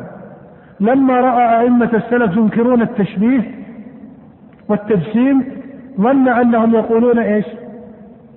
أنهم يطلقون نفي اللفظ. مع أن السلف ما كانوا يطلقون الإثبات وما كانوا يطلقون النفي. هو لا شك أن إثبات لفظ الجسم من المتعذر أن يكون قولا لأحد من السلف بمعنى أن القول بنفيه أقرب إلى الإضافة. فتوهم الأشعري وأمثاله لهذه المناسبة أنه مذهب للسلف. وتعلم أن مذهب السلف في مثل هذا اللفظ ليس كذلك. هذه مسألة يعني مسألة الإيمان لها فروع كثيرة لعله إن شاء الله في الدرس الآتي بإذن الله غدا نستكمل بعض مسائل هذه أو هذا الباب ونعلق على بعض كلام الإمام الطحاوي رحمه الله ويبقى معنا بعد غد إن شاء الله ثلاثة دروس لعلها تكون كافية إن شاء الله في إجمال التعليق على ما تبقى من مسائل الرسالة. نعم. قال المؤلف عليه رحمة الله تبارك وتعالى والإيمان هو الإقرار باللسان والتصديق بالجنان وأن جميع ما أنزل الله في القرآن وجميع ما صح عن رسول الله صلى الله عليه وسلم من الشرع والبيان كله حق والإيمان واحد وأهله في أصله سواء والتفاضل بينهم بالخشية والتقى ومخالفة الهوى وملازمة الأولى. نعم الحمد لله رب العالمين وصلى الله وسلم على نبينا محمد وآله وأصحابه أجمعين. في المجلس المتقدم وقفنا مع بعض مسائل هذه الجمل التي ذكرها أبو جعفر الطحاوي رحمه الله. ويعد هذا الموضع في رسالة الطحاوي رحمه الله هو أشكل المواضع. وإلا فإن في هذه الرسالة بضعة عشر موضعا في كلام الطحاوي نظر. وإذا قيل إن في الرسالة بضعة عشر موضعا أظنه سبق الإشارة إلى جملة منها ويأتي بعضها. فليس بالضرورة أن تكون هذه المواضع يؤخذ على الطحاوي رحمه الله من جهة مقاصده فإنه في جمهور هذه المواضع يكون مقصوده مقصودا صحيحا وإن كانت عبارته لا تكون عبارة مناسبة. إلا في هذا الموضع وله موضع أو موضع آخر يقاربه فإنه في مسألة الإيمان يعرف أنه على طريقة مرجعة الفقهاء. وكترتيب لهذه المسائل ولما يحدث فيها من الإشكال بين المتأخرين ولكون هذه المسائل تعد من مواضع النزاع في بعض مواردها حتى بين أصحاب السنة والجماعة وإن كان عامة ما يتنازع فيه المتأخرون من أصحاب السنة والجماعة من هذه المسائل أو غيرها فإنها في الجملة تكون محكمة عند السلف. وإذا قيل إنها تكون في الجملة محكمة عند السلف لم يلزم من معنى الإحكام. وهذه مسألة أحب كثيرا أن أؤكدها على الإخوة. إذا قلنا إن إن المسائل التي يتنازع فيها المتأخرون والمعاصرون من مسائل هذا الباب وأفراده هي في الجملة من المحكم عند السلف. وإذا قلنا إنها في الجملة من المحكم عند السلف لم يلزم من ذلك أن السلف رحمهم الله قد أجمعوا على سائر هذه المسائل. وإنما عرفوا قدر المسألة وأحكموا قدر المسألة إما من الإجماع وإما من الخلاف. ومعنى هذا أنه قد يقول بعض المتأخرين من أصحاب السنة والجماعة عن مسألة ليست هي من موارد الإجماع في كلام السلف فيجعلها من مسائل الإجماع. فيجعلها من مسائل الإجماع. وقد يكون الأمر على خلاف ذلك أو بضده. كأن تكون المسألة هي من محل الإجماع عند السلف فيتكلم بعض المتأخرين بما يقرر به أن هذه المسألة من مسائل النزاع. وهذا كله يرجع إلى حقيقة واحدة وهي لزوم إحكام مذهب السلف في ذكر هذه المسائل وغيرها وهذا يأتي له تنبيه وقد سبق. أيضا أحب أن أجمل بعض المسائل التي تقدمت بالأمس ونواصل بعض المسائل الأخرى في هذا الباب. فالمسألة الأولى هي محصل قول السلف في مسمى الإيمان وتقدم أن الجمهور من السلف عبروا بأن الإيمان قول وعمل وعبر من عبر منهم بأنه قول وعمل ونية وعبر من عبر منهم بأنه قول وعمل واعتقاد وسائر هذه التعبيرات خلافها لفظي أو الخلاف بينها خلاف لفظي. والجمهور منهم عبروا بأنه قول وعمل وهذا هو أجود التعبيرات. ولهذا استعمله الجمهور من المتقدمين من أئمة السنة والجماعة. ومرادهم بالقول قول اللسان وقول القلب وعمل القلب وعمل الجوارح. وتقدم أن المراد بقول اللسان بين وأن قول القلب هو تصديقه وأن عمل القلب هو حركته بهذا التصديق بأعماله المناسبة له.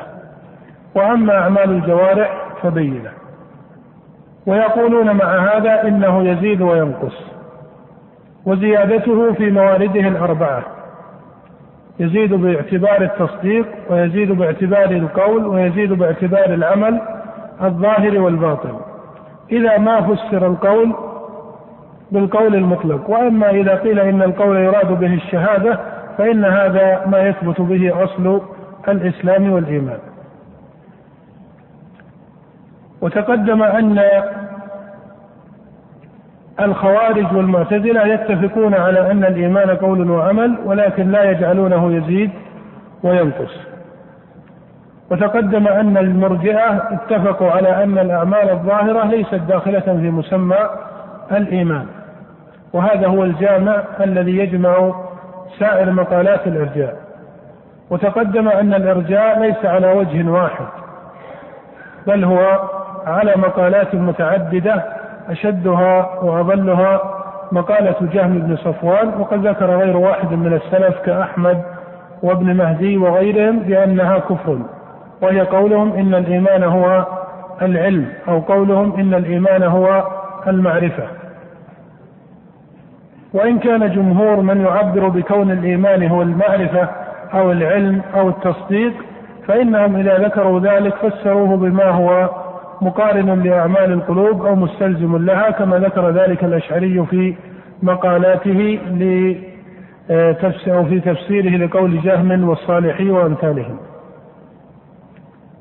وأما أعمال القلوب فإن غلاة المرجئة لا يدخلونها في مسمى الإيمان وأما مقتصدوهم فإنهم يدخلونها في مسمى الإيمان. وهذه مسائل ليس هناك سعة في تفصيلها.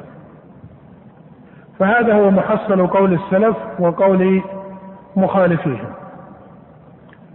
وأما أدلة السلف على أن الإيمان قول وعمل فتقدم أنها الأدلة الأصول الثلاثة الكتاب والسنة والإجماع. وتقدم أن المخالفين من الفقهاء وأولهم حماد بن أبي سليمان ومن وافقه يعدون في أصحاب السنة والجماعة.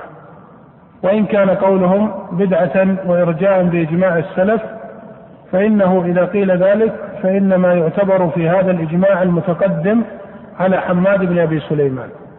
فمن لم يسعه تحصيل الإجماع إلا بتبديع حماد بن أبي سليمان وإخراجه عن أهل السنة والجماعة فقد غلط. ومن جعل هذه المسألة من مسائل النزاع ولم يصح عنده دليل الإجماع لكون حماد وأمثاله وأمثاله قد خالفوا فيها فهذا أيضا وجه من الغلط. بل يقال إن المسألة باعتبار دليلها يستدل عليها بالإجماع أن الإيمان قول وعمل بالإجماع. وإذا قيل الإجماع عني بالإجماع هنا الإجماع المتقدم على حماد وهو إجماع الصحابة رضي الله تعالى عنهم ومن بعدهم إلى أن خالف حماد. ومعلوم أن المخالفة بعد انعقاد الإجماع الموافق للكتاب والسنة لا تكون مخالفة معتبرة ولا يصح بها بإجماع أهل العلم نقض الإجماع. ومع هذا فإن حمادا وأمثاله لا يجوز أن يقال إنهم من أهل البدع والضلال بل هم من أئمة السنة والجماعة وإن كان قولهم بدعة وضلالا. وهذا يحصل مسألة وهي أنه ليس من لازم البدعة أن يكون صاحبها يبدع على الإطلاق. فإذا قال بدعة من وجه لم يلزم بهذا أن يكون مبتدعا على الإطلاق. فإن الابتداع المطلق إنما يضاف لمن استعمل موجبات من المخالفة لأصول السنة والجماعة في مقام الدلائل أو في مقام المسائل. في مقام الدلائل كمن استعمل علم الكلام دليلا له في تقرير مسائل أصول الدين فإن هذا لا يكون إلا مبتدعا مفارقا للسنة والجماعة وأمثال ذلك من الأوجه. وتقدم أن المخالفين للسلف يستدلون في هذه المسائل تارة بما هو من دلائل الشرع أي بما هو من دلائل الكتاب والسنة على مقالاتهم أما استدلال الخوارج والمعتزلة فإنه يعلم أنه غلط فإنه مبني على مسألة أهل الكبائر. وعن مسألة أهل الكبائر حصلوا مسألة مسمى الإيمان ولا شك أن هذا الترتيب غلط حتى من جهة النظم والعقل. فإن هذه المسائل هي فرع عن مسمى الإيمان وليس العكس. وأما المرجئة فإن غلاتهم يستدلون بأوجه من الاستدلال ليس من آه الممكن أن ينظر فيها في مثل هذا المجلس لكن يكفي أن يقال إنها أدلة مبتدعة من أصلها كبعض الدلائل الكلامية التي يستعملونها. وتقدم أن أخص ما يشكل عند وهو الذي أشكل على كثير من الفقهاء من المرجئة وغيرهم أن أكثر ما يشكل في هذه المسألة هو ما جاء في كتاب الله في بعض السياقات من ذكر العمل الصالح مضافا إلى الإيمان. وهو المذكور في مثل قوله إن الذين آمنوا وعملوا الصالحات كانت لهم جنات الفردوس نزلا إلى غير ذلك من الآيات. ووجه الاستدلال على ما يذكره كثير من المرجئة أن الله فرق بين الإيمان والعمل. وهذا تقدم أن له جوابين. الجواب الأول أن يقال أن هذا من باب عطف الخاص على العام. والخاص هنا هو العمل والعام هو الإيمان. وعطف الخاص على العام معروف في لسان العرب. فهذا جواب. والجواب الآخر وشيخ الإسلام يميل إلى أنه أجود من الأول هو أن يقال إن العمل هنا ذكر لازما للإيمان وإن لم يكن في داخلا في ماهيته في هذا السياق. وعدم دخوله في ماهية الإيمان أو في مسمى الإيمان في هذا السياق لا يلزم منه أن لا يكون داخلا في سائر الموارد. فإن الإيمان هنا يراد به الأصل الذي هو التصديق. ولا شك أن الإيمان في كتاب الله يستعمل ويراد به الأصل. كقوله تعالى فتحرير رقبة مؤمنة. فلا شك أنه يراد بهذا أصل الإيمان. وإلا لو قيل إنه يراد بذلك الإيمان الذي يصاحبه القيام بالواجبات والانتهاء عن الكبائر والمحرمات لما صح عتق الفاسق. وهذا خلاف أو خلاف إجماع الفقهاء. بل حتى من يتكلم بالإرجاء فإنهم يصححون عتق الفاسق. وإذا تحقق ذلك علم أن الإيمان يستعمل في كلام الله ورسوله ويراد به التصديق والأصل. ويراد به التصديق والأصل. وعليه فإن قوله إن الذين آمنوا وعملوا الصالحات يراد بالإيمان في مثل هذه السياقات أصله. يراد بالإيمان في مثل هذه السياقات أصله. ويراد بالعمل ما كان من الواجبات زائدا عن هذا الأصل. ما كان من الواجبات زائدا عن هذا الأصل. فإنه بإجماع السلف من ترك ما هو من العمل الصالح لم يلزم أن يكون بذلك مفارقا للإيمان. فتحقق بإجماع السلف أن جمهور العمل الظاهر تركه ليس ليس كفرا. أن جمهور الأعمال الظاهرة لا يقال إن تركها يكون كفرا مضادا للإيمان. فعليه يكون قوله تعالى إن الذين آمنوا المراد بالإيمان في هذا السياق وأمثاله الأصل والعمل يكون هنا الواجب والمستحب وعليه لا يكون في الآية إشكال. ويكون العمل على هذا الوجه لازما للإيمان وما كان لازما في مقام فإنه لا يمنع أن يكون داخلا بالتضمن أو المطابقة في مقام آخر وأهل مجرى فإن الله ذكر الإيمان أدخل فيه العمل في بعض الموارد من القرآن وفي بعض الموارد من السنة كقول النبي كقوله سبحانه وتعالى إنما المؤمنون الذين إذا ذكر الله وجلت قلوبهم وإذا تليت عليهم آياته زادتهم إيمانا وعلى ربهم يتوكلون الذين يقيمون الصلاة إلى آخر السياق. وكقوله صلى الله عليه وآله وسلم كما في الصحيحين من حديث ابن عباس في حديث وفد عبد القيس وهو من أشرف الأحاديث ومن أخص ما يستدل به السلف على كون العمل داخلا في مسمى الإيمان. بل إن قلت إنه أشرف حديث استدل به السلف على هذه المسألة من السنة فإن الأمر كذلك. فإنه صلى الله عليه وسلم قال آمركم بالإيمان بالله وحده. وهل تدرون ما الإيمان بالله وحده؟ قالوا الله ورسوله أعلم. قال شهادة أن لا إله إلا الله وأن محمدا رسول الله وإقام الصلاة وإيتاء الزكاة وصوم رمضان وأن تؤدوا خمسا من المغنم إلى آخر الحديث. وقد رواه مسلم من حديث أبي سعيد الخدري مفردا واتفق عليه الشيخان من حديث ابن عباس. وهذا الحديث المعروف عند أهل العلم بحديث عبد القيس صريح في أن العمل داخل في مسمى الإيمان بل صريح في أن العمل أصل في الإيمان كما جعله النبي صلى الله عليه وآله وسلم أصلا إيش؟ كما جعله النبي صلى الله عليه وسلم أصلا في الإسلام.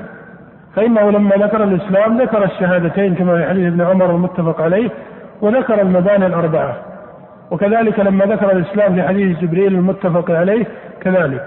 وهنا لما ذكر الإيمان ذكر الشهادتين وذكر بعد ذلك العمل. ففسر الإيمان في حديث عبد القيس بما فسر به الإسلام في حديث ابن عمر وأمثاله. ومعلوم أنه علم من حديث ابن عمر وهو قوله صلى الله عليه وآله وسلم بني الإسلام على خمس. وعلم بحديث ابن عمر وأمثاله أن العمل أصل إيش؟ في الإسلام. أن العمل أصل في الإسلام. فإذا كان كذلك فإن الحديث نفسه ورد في مسمى أو فإن القول النبوي نفسه ورد في مسمى الإيمان وبه يعلم يعني بحديث عبد القيس أن العمل أصل في الإيمان كما علم بحديث ابن عمر أن العمل أصل في الإسلام. فهذا هو الجواب عن هذا الوجه من الاستدلال بالقرآن. وتعلم بهذا أن ذكر اسم الإيمان في كتاب الله وسنة نبيه صلى الله عليه وسلم متنوعا. فإنه يذكر في مقام ويراد به أصله ويذكر في مقام ويراد به الإيمان المطلق الذي هو فعل الطاعات والانتهاء عن الكبائر والمحرمات. وهذا بين في كلام الرسول صلى الله عليه وسلم في قوله عن الجارية أين الله قالت في السماء قال من أين قالت أنت رسول الله. قال أعتقها فإنها مؤمنة. والحديث رواه مسلم من حديث معاوية بن الحكم.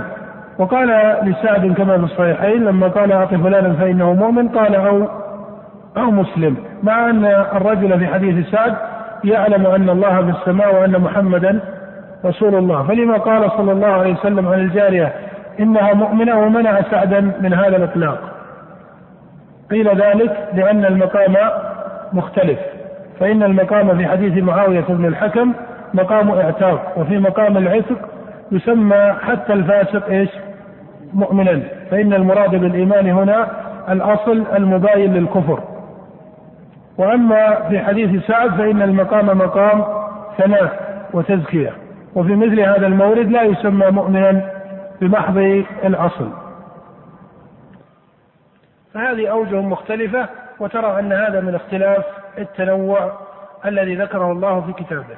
وذكره الرسول صلى الله عليه وآله وسلم في سنته ولما استعملت المرجع أحد أو أحد الوجهين من هذا التنوع واستعملت الخوارج والمعتزلة الوجه الآخر صار هؤلاء يجعلون العمل من كل وجه باعتبار كله وآحاده أصلا في الإيمان يعني العمل الواجب كما هي طريقة الخوارج والمعتزلة فجعلوا من ترك ولو واحدا من العمل الواجب لا يكون مؤمنا بل كافرا عند الخوارج أو فاسقا عدم الإيمان عند المعتزلة. وترى أن المرجئة بما استعملوه من الدلائل التي تذكر أصل الإيمان في ذكر مسمى الإيمان فإنهم جعلوا العمل خارجا عن مسمى الإيمان. والدليل الآخر وهو الذي تمسك به جماهير المرجئة من جهة مذهبهم وإخراج العمل عن مسمى الإيمان هو دلالة اللغة. ودلالة اللغة فيها بحث واسع والاستدلال هنا مبني على مقدمتين. أن الإيمان في اللغة مرادف للتصديق والمقدمة الثانية أنه إذا كان مرادفا للتصديق امتنع أن يسمى العمل إيمانا. وقد ذكر ابن حزم وغيره مذاهب لأهل العلم ولأهل المقالات في حكم ورود الشرع على اللغة. فمنهم من قال إن الشارع ورد على حد لسان العرب على التمام في سائر موارد تسميته. ومنهم من قال إنه زاد وإنما اعتبر أصل اللغة. ومنهم من قال بأن هو يعتبر أصل اللغة ثم يضمن المعنى من الماهية ما يقارن به الأصل. ولا يفارقه لكنه يزيد عليه فتكون الزيادة في الماهية إلى غير ذلك من المذاهب. لكن نقول على كل تقدير إن كلا المقدمتين منازع فيها. فالمقدمة الأولى أن الإيمان مرادف للتصديق فإنه فيها طرف من النزاع ذكره غير واحد من أهل السنة وغيرهم. وأما المقدمة الثانية وإذا قلت وغيرهم فإن المقصود هنا أنه حتى بعض أئمة المعتزلة ينازعون في كون الإيمان مرادفا للتصديق فهذه منازعة مشهورة. والجواب الآخر وهو أن يقال إنه ليس في العمل الذي سماه السلف إيمانا ما يكون ماهية من الحركة والعمل مفارقة للتصديق. فإنهم إنما سموا العمل إيمانا لكونه إيمانا ولكونه ليس مفارقا للتصديق. ولهذا كل عمل شرعي سمي إيمانا فلا بد أنه يقارنه مقام من التصديق. فإن الصلاة مبنية على الأعمال الظاهرة والأعمال الباطنة والتصديقات. وأما إذا قيل تصديقها إيمان وحركتها ليست إيمان قيل هذا تفريق يفرضه الذهن لا وجود له في الخارج. فإنه لا يوجد في الخارج إلا الركوع الشرعي أو الحركة الآدمية من حني الظهر وهذه بإجماع المسلمين أنها ليست إذا حنى الإنسان ظهره لغير قصد الصلاة وإنما آه، ألما أو نحو ذلك فإن هذه بالإجماع ليس هي المراد بكونها إيمانا. وأما إذا فعل ذلك داخل الصلاة على هيئة الهيئة الشرعية المشروعة بالصلاة فإن هذا هو الإيمان. فترى أن الحركة كما يقول متكلمة المرجع من حيث هي ليست إيمانا يقال الحركة من حيث هي ليس لها وجود مختص فإذا وجدت مختصة مجردة عن سائر موارد التصديق فإنها ليست داخلة في مسمى الإيمان وما قال أحد من السلف ذلك بل كان مرادهم بالعمل الذي هو إيمان الأعمال التي شرعها الله ورسوله صلى الله عليه وآله وسلم ومعلوم أن كل عمل شرعه الله ورسوله فإنه قبل أدائه يجب التصديق بكونه إيش؟ بكونه شريعة شرعها الله ورسوله من الإقرار بوجوبها إلى غير ذلك. فضلا عما يتضمنه العمل الظاهر من الموافقة للباطل وهذه مسألة آتي إليها. آه المسألة الخامسة العمل ومحله عند أهل السنة. العمل أعني الأعمال الظاهرة بإجماع أهل السنة أنها أصل في الإيمان. وقولهم في هذا متواتر أعني قول المتقدمين منهم. وإذا قيل إن العمل أصل في الإيمان فإن المراد بذلك أن عدمه يلزم منه عدم الإيمان. وإذا قيل يلزم منه عدم الإيمان لم يلزم بذلك أن يكون العمل من حيث هو ليس أصلا. فإنك تريد بذلك من جهة اللزوم لزوم العدم في الباطن وهذا مبني على مسألة وهي أن كل من ثبت كفره ظاهرا في نفس الأمر لزم أن يكون في الباطن كافرا. كل من تحقق كفره في نفس الأمر ظاهرا لزم أن يكون في الباطن كافرا لامتناع اجتماع الكفر الأكبر مع شيء من الإيمان الصحيح. حتى ولو أريد بالإيمان الأصل فإنه معلوم أن من كان كافرا عند الله سبحانه وتعالى كفرا أكبر يمتنع أن يكون معه شيء من إيش؟ الإيمان الصحيح. دعك من العلم أو المعرفة فإن العلم من في سائر موارده لا يلزم أن يكون هو الإيمان الذي بعث الله به رسوله صلى الله عليه وسلم. فليس كل وجه من أوجه العلم والمعرفة هو الإيمان الذي يحصل به الاستجابة لله ورسوله صلى الله عليه وآله وسلم. فمن بدائع المسائل المعروفة بأوائل الشرع وأوائل العقل أن من كان كافرا كفرا أكبر فإنه يمتنع أن يكون إيش؟ إيش؟ أن يكون مؤمنا إيمانا صحيحا سواء فرضت هذا الإيمان مطلقا أو فرضته مقيدا وسواء فسرته بأصل الإيمان أو بما فوق ذلك. هذه حقيقة مجمع عليها. وعليه فإذا قيل إن العمل أصل في الإيمان وأن تارك العمل مطلقا يكون كافرا لزم في هذا أو لزم من هذا أن يكون كافرا ظاهرا وإيش؟ وباطنا. ذلك أن من كان كافرا ظاهرا يمتنع أن يكون في الباطن مؤمنا. بخلاف من كان في الباطن مؤمنا فإنه قد يكون في بخلاف من يكون في الباطن كافرا قد يكون في الظاهر على الإسلام كحال المنافقين الذين أظهروا الإسلام. ولهذا قال شيخ الإسلام رحمه الله اتفق العلماء على أن المنافقين يدخلون في اسم الإيمان عفوا في اسم الإسلام ولا يدخلون في اسم الإيمان. هذه حقيقة بينة ينبغي لطالب العلم أن يفقهها. فهي مع بيانها ترى أن بعض التراتيب تقع على خلافها.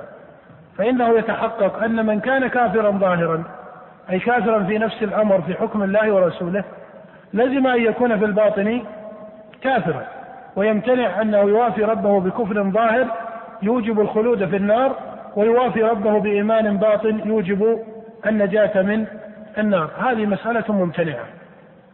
هذه مسألة ممتنعة.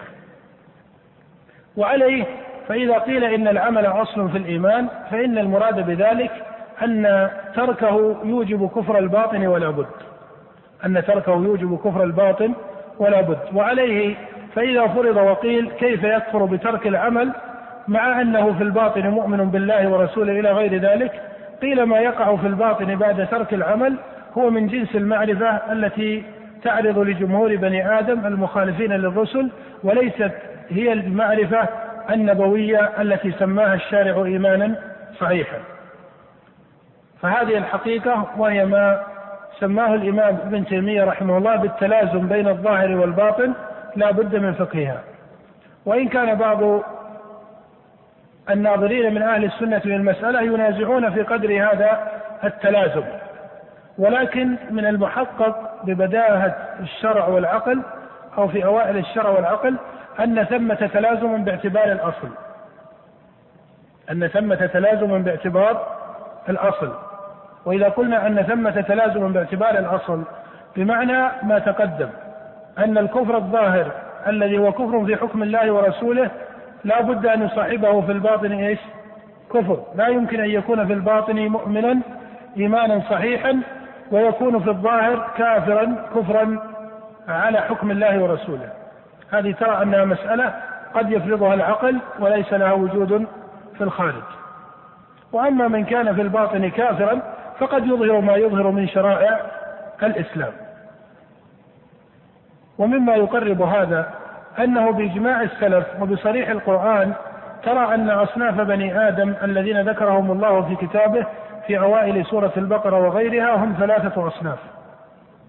من كان مؤمنا ظاهرا وباطنا. ومن كان كافرا ظاهرا وباطنا ومن كان في الظاهر مؤمنا أو مسلما وفي الباطن كافرا. وليس ثمة فرع رابع وهم المؤمنون باطنا الكفار ظاهرا إلا في حال واحدة هي حال تعرض وليست أصلا مضطردا وهي حال الإكراه المذكورة في مثل قوله تعالى إلا من أكره وقلبه مطمئن بالإيمان. كما حدث ذلك لبعض أصحاب النبي صلى الله عليه وسلم كسب بعضهم للرسول صلى الله عليه وسلم بين يدي بعض اليهود لغرض قتله في قول عبد الله بن أنيس في الحديث الثابت في الصحيح يا رسول الله ائذن لي قال له النبي صلى الله عليه وسلم قل. فذكر النبي كلاما أو ذكر النبي عليه الصلاة والسلام بكلام يفارق به الإيمان لو كان قاصدا له. فهذه حال تعرض وهي حال الإكراه. من أكره على قول وقلبه مطمئن بالإيمان وقد أجمع السلف على أن الإكراه يكون بالقول وتنازعوا في كون الإكراه يقع بالفعل على قولين جماهيرهم على أن الإكراه يقع بالفعل كما يقع بالقول. وابن عباس وطائفة يذهبون إلى أن الإكراه مختص بالقول والصحيح هو مذهب جماهيرهم. فهذه حال تعرض وهي حال من من كان مؤمنا إيش؟ من كان مؤمنا باطنا وفي الظاهر قال قولا أو فعل فعلا من أفعال الكفر. هذه حال تعرض وليست حالا مضطردة. وأما إذا أخذت الأحوال المضطردة لبني آدم المنفكة عن عارض الإكراه وأمثاله فإنها لا تخلو من ثلاثة أحوال. أي إن بني آدم لا بد أن يكونوا على أحد ثلاث أحوال. إما مؤمنون ظاهرا وباطنا وإما كفار ظاهرا وباطنا وإما مؤمنون في الظاهر أو مسلمون في الظاهر كفار في الباطن.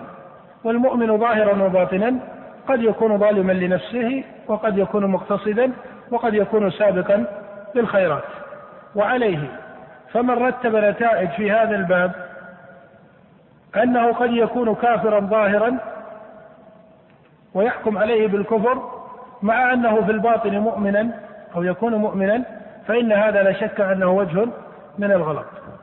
فإن هذه حال لا تقع. أن يكون في الظاهر كافرا مع تصحيح إيمانه في الباطن. حتى ولو أراد بالإيمان في الباطن الأصل. فإن الكفر ينافي أصل الإيمان كما هو معلوم ومستقر. وعليه فإذا قيل إن العمل أصل في الإيمان فإن المراد أن عدمه يعني عدم العمل يستلزم الكفر الباطن ولا بد. ثم هنا طرف من النزاع قد يكون في نظر كثيرين هو من النزاع اللفظي. فهل العمل أو هل الكفر تحقق بالعمل من حيث هو أم تحقق بالعمل من حيث هو لازم لكفر الباطل هذه مسألة من الجدل اللفظي أو من الفرض الذهني ربما. لا يتحقق بها كثير نتيجة. وترى أن من جعل العمل ليس أصلا في الإيمان أي أن عدمه لا يكون كفرا ترى أن معتبرهم في الجملة هو أن هذا المعين يكون معه إيمان في الباطن فبما أو ماذا يفعل بما معه من الإيمان في الباطن ومعلوم أن من صح إيمانه باطنا إيش؟ امتنع إيش؟ امتنع كفره ظاهرا. ومعلوم أن من صح إيمانه باطنا صح في حكم الله ورسوله إيمانه باطنا امتنع كفره ظاهرا إلا على وجه من الاجتهاد. وما كان وجها من الاجتهاد فقد يكون غلطا كجنس أو كسائر أحكام المجتهدين. ومعنى هذا الاستثناء وهو قولنا إلا على وجه من الاجتهاد أي أنه قد يحكم بعض المجتهدين من أهل العلم على معين من أهل القبلة لبدعة قالها أو لنحو ذلك بالكفر ويكون في نفس الأمر عند الله إيش؟ ليس بكافر بل له شبهة أو تأويل أو غير ذلك من الموانع التي منعت كفره وشيخ الإسلام يذكر تحت هذا يذكر تحت هذا ما ثبت في الصحيحين من حديث أبي سعيد وأبي هريرة أن رجلا قال أن رجلا قال لبنيه إذا مات فاحرقوه ثم ذروا نصفه في البر ونصفه في البحر فوالله لئن قدر الله عليه ليعذبنه عذابا لم يعذبه احدا من العالمين. وفي أول الحديث قصة معروفة. فالشاهد من هذا أن هذا الرجل كما يقول شيخ الإسلام وكما هو معروف بحقائق الشريعة البينة أن هذا الرجل قال ما هو كفر بالإجماع فإنه شك في معاد نفسه وأنكر عموم القدرة. يقول شك في معاد نفسه وأنكر عموم القدرة. قال شيخ الإسلام والظاهر من حاله أنه كان مقرا بأصل المعاد وأصل القدرة. الظاهر من حاله أنه كان مقرا بأصل ذلك وأن وإنما شك في عموم القدرة وفي معاد نفسه على هذه الحال. قال ومع هذا فإن قوله هذا في هذه المسألة وهذه المسألة كفر بالإجماع. ومع ذلك غفر الله له. وهذه واقعة عين وإنما يعلم بها أنه قد يكون القول كفرا في الظاهر ولا يلزم أن يكون صاحبه في الكافر باطلا. فمن كفره من المجتهدين الذين إذا فرضنا أنهم قارنوه في أصله لم يلزم بذلك أن يكون حكمهم هو الحكم الذي يوافي العبد به ربه يوم القيامة. فهذا هو من أخص فقه هذا الباب وهو العلم بالتلازم بين الظاهر والباطن وأما قول من يفرض أنه قد يكون كافرا في الظاهر كفرا يوافي به ربه وهو الكفر الذي حكم الله ورسوله بأنه كفر ومع ذلك يقع في قلبه ما هو من الإيمان الصحيح ولو مثقال ذرة فإن هذا ممتنع فإنه يلزم عليه أن العبد يوافي ربه بإيش؟ بإيمان صحيح وبكفر أكبر يفارق أصل الإيمان. ولا شك أن هذا ممتنع ولا يوافي عبد من العباد ربه كذلك. وحتى أهل الفترة فإنهم يوافون ربهم بالشرك والكفر وإن كانوا لا يؤخذون بالأحكام إنما لهم حال مختصة ولا يقال إنهم يوافون ربهم بكفر وإيمان. فإنه لا يكون العبد إلا كافرا أو مؤمنا. حتى المنافق فإنه معلوم أنه يوافي ربه بالكفر.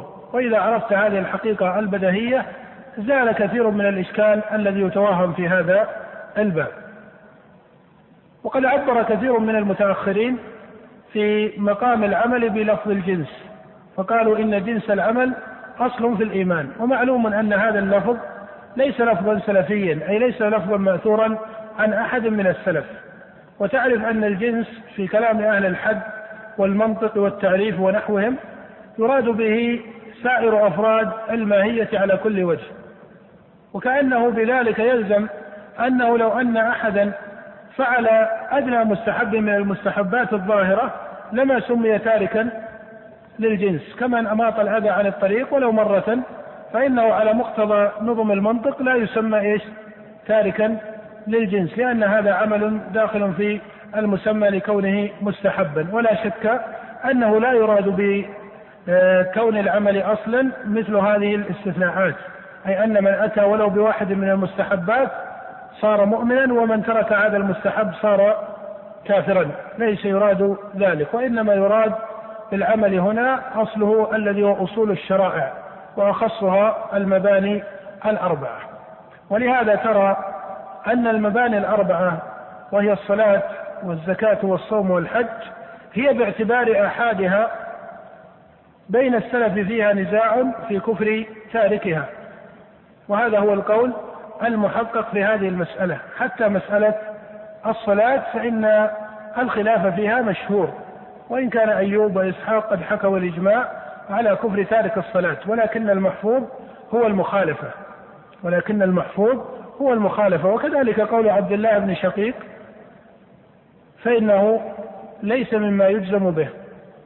وإن كان بعض أهل العلم قالوا إن ثمة فرقا بين قول إسحاق وعبد الله بن شقيق فإن عبد الله بن شقيق كان يحكي إجماع الصحابة ومكحول والزهري ومالك والشافعي جاءوا بعدهم فلا يكون أو لا تكون مخالفتهم خارقة لإجماع الصحابة كما لم تكن مخالفة حماد ابن أبي سليمان خارقة لإجماع الصحابة والحق أن تسوية المسألتين ليس على قدر من التحقيق. ذلك أن كون العمل أو كون الإيمان قولا وعملا هذا أمر مستقر في دلائل الكتاب والسنة. ولا ترى من المستقر في دلائل الكتاب والسنة والمتواتر أن ترك الصلاة أن ترك الصلاة كفر. بل إذا نظرت في دلائل القرآن لا ترى أن الله ذكر الصلاة وحدها وسمى تركها كفرا. وسائر ما يستدل به الحنابلة ومن استدل من المتقدمين من أهل الحديث على المسألة هو في مثل قوله تعالى فإن تابوا وأقاموا الصلاة وآتوا الزكاة فإخوانكم في الدين وفي السياق الآخر فخلوا سبيلهم إلى أمثال ذلك. ومعلوم أن الاستدلال بهذا يقع على أحد وجهين إما أن يراد بالتوبة هنا التوبة من أصل الكفر مع الإتيان بالعمل ولا شك أن هذا هو الذي يقع به الإسلام بالإجماع وأما إن أريد أن كل ما ذكر في الآية يكون بوحده تركه كفرا فيلزم من ذلك أن يكون تارك الزكاة أن يكون تارك الزكاة إيش؟ كافرا فمن جعل الآية دليلا على أن ترك الصلاة وحدها كفر لزمه أن يجعل ترك الزكاة وحدها كفر. ولا يصح هنا أن يقال إن الزكاة أخرجها دليل آخر فإن الدليل هنا دليل خاص والخاص لا يمكن أن يعارضه ما هو إيش؟ أن يعارضه ما هو خاص مثله. فيلزم من هذا أن يكون الاستدلال بالآية ليس استدلالا جازما أو قاطعا. وإذا قيل هذا لا يعني أن الاستدلال بالآية المذكورة في براءة ونحوها من الآيات لم يلزم من ذلك أن يكون الاستدلال غلطا بل يراد أنه ليس استدلالا صريحا بينا جازما يقال تحته إن الصحابة كانوا آخذين بصريح القرآن وصريح السنة. وكذلك قوله صلى الله عليه وآله وسلم بين الرجل وبين الشرك والكفر ترك الصلاة هو أظهر في الاستدلال من الاستدلال بالقرآن. فإن الله النبي عليه الصلاة والسلام ذكر الكفر معرفا وجعله هو الفاصل بين الشرك والكفر وبين الإيمان. أو جعل الصلاة هي الفاصل بين الشرك والكفر على التعريف وبين الإيمان والإسلام. ولهذا فإن الأظهر في الاستدلال على كفر تارك الصلاة هي دلائل السنة. ومع هذا فيقال إن الراجح في مسألة تارك الصلاة أنه كافر بظاهر السنة وبما يستدل به من القرآن وبظاهر مذهب الصحابة فإنه لم يصح عن صحابي من الصحابة أنه جعل ترك العمل أو عفوا ترك الصلاة ليس كفرا. وهذا كما أسلفت قد يسمى إجماعا سكوتيا وجمهور ما يستدل به الفقهاء من الإجماعات في المسائل المفصلة هي من الإجماعات السكوتية. والإجماع السكوتي يكون حجة ظنية كما قرر المحققون كشيخ الإسلام وأمثاله. وإذا تحقق هذا وهي أن مسألة الصلاة كفر عند الجمهور من أهل الحديث وهو ظاهر الكتاب والسنة وظاهر مذهب الصحابة. يبقى أن القول الآخر قول قاله طائفة من أهل العلم المعتبرين ولا يصح أن يكون هذا القول بدعة وضلالا. ومعلوم أن الزهري أعلم بآثار الصحابة بإجماع أهل الحديث من عبد الله ابن شقيق وإن كان ابن شقيق أقرب حالا منه من جهة الزمن والتاريخ. ولو كان في المسألة إجماع لما خفى على الزهري وأمثاله. ولكن أشير إلى مسألة ذكرني بها أحد الأخوة وقد كتب إلي ورقة بهذا وهي أن من لم يكفر تارك الصلاة أو أن الفقهاء المتقدمين الذين لم يكفروا تارك الصلاة على قسمين. منهم من لم يكفر تارك الصلاة لكون الدلائل عنده لم تقم على كفره. ومنهم من لم يكفر تارك الصلاة لكونه لا يرى أن العمل يدخل في مسمى الإيمان كما هي طريقة مرجعة الفقهاء. وهذا فرق معتبر. فمن جعل تارك الصلاة ليس كافرا لعدم ثبوت الدلائل عند الموجبة لكفره فهذا قول مأثور ولا يجوز تسميته بدعة وإن كان مرجوحا. وأما من جعل تارك الصلاة ليس كافرا وموجب ذلك عنده أن العمل ليس داخلا في مسمى الإيمان والصلاة من آحاده فلا شك أن هذا الموجب بدعة في إجماع السلف. وبهذا كان يعلل طوائف من المرجئة أن ترك الصلاة ليس كفرا. ولكن لا يجوز بحال أن يقال إن من لم يكفر تارك الصلاة فقد دخل عليه قول المرجئة أو أنه تأثر بهم أو أخذ بلوازم أقوالهم أو غير ذلك من الإطلاقات والأقوال التي ليس عليها تحقيق. وكيف يقال عن الزهري وأمثاله؟ إنه على مثل هذا الوجه. مع أن الزهري من أشد الناس كلاما في الإرجاء وذمه بل إنه لما ذكر أحاديث التوحيد كقوله صلى الله عليه وسلم في حديث عثمان في الصحيح من مات وهو يعلم أنه لا إله إلا الله دخل الجنة وأمثالها من الأدلة التي قال فيها عليه الصلاة والسلام إن الكلمتين أو إن الشهادة توجب دخول الجنة. وترى أن أهل العلم لهم تفسير مختلف على طريقة اختلاف التنوع عند المتقدمين أو اختلاف الألفاظ.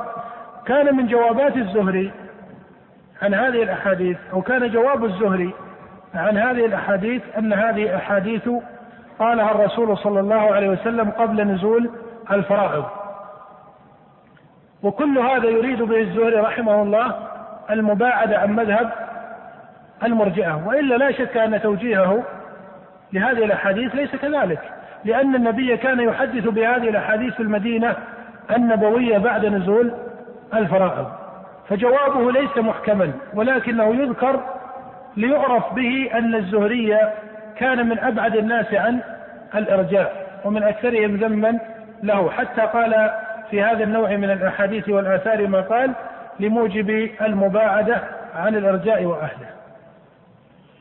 وأما مسألة الزكاة فليس هناك إمام من أئمة السلف قال إن الإجماع منعقد على كفر تاركها إلا إذا قارنها أي قارن تركها المقاتلة.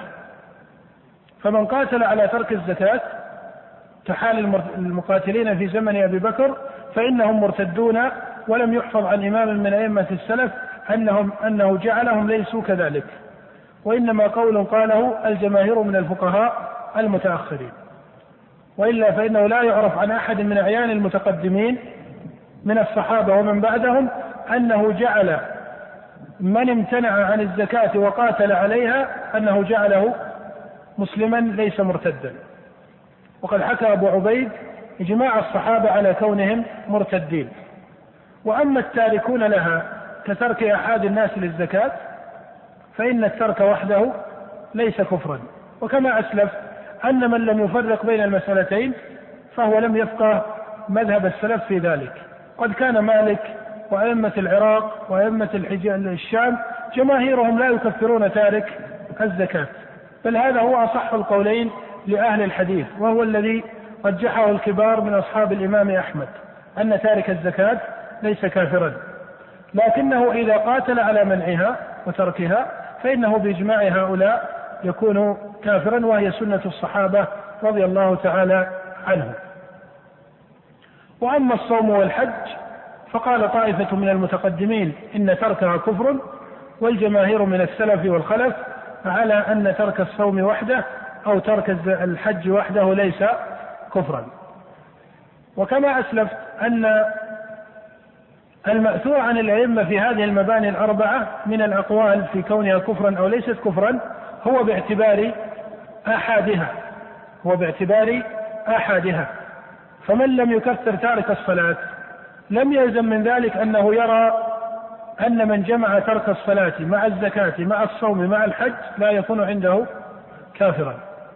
فمن حكى عن الشافعي أو مالك أن من ترك المباني الأربعة مجتمعة لا يكون كافرا ومعتبره في ذلك أن مالكا والشافعي لا يكفرون تارك الصلاة فقد غلط فإن حكم الواحد يختلف عن حكم المجموع.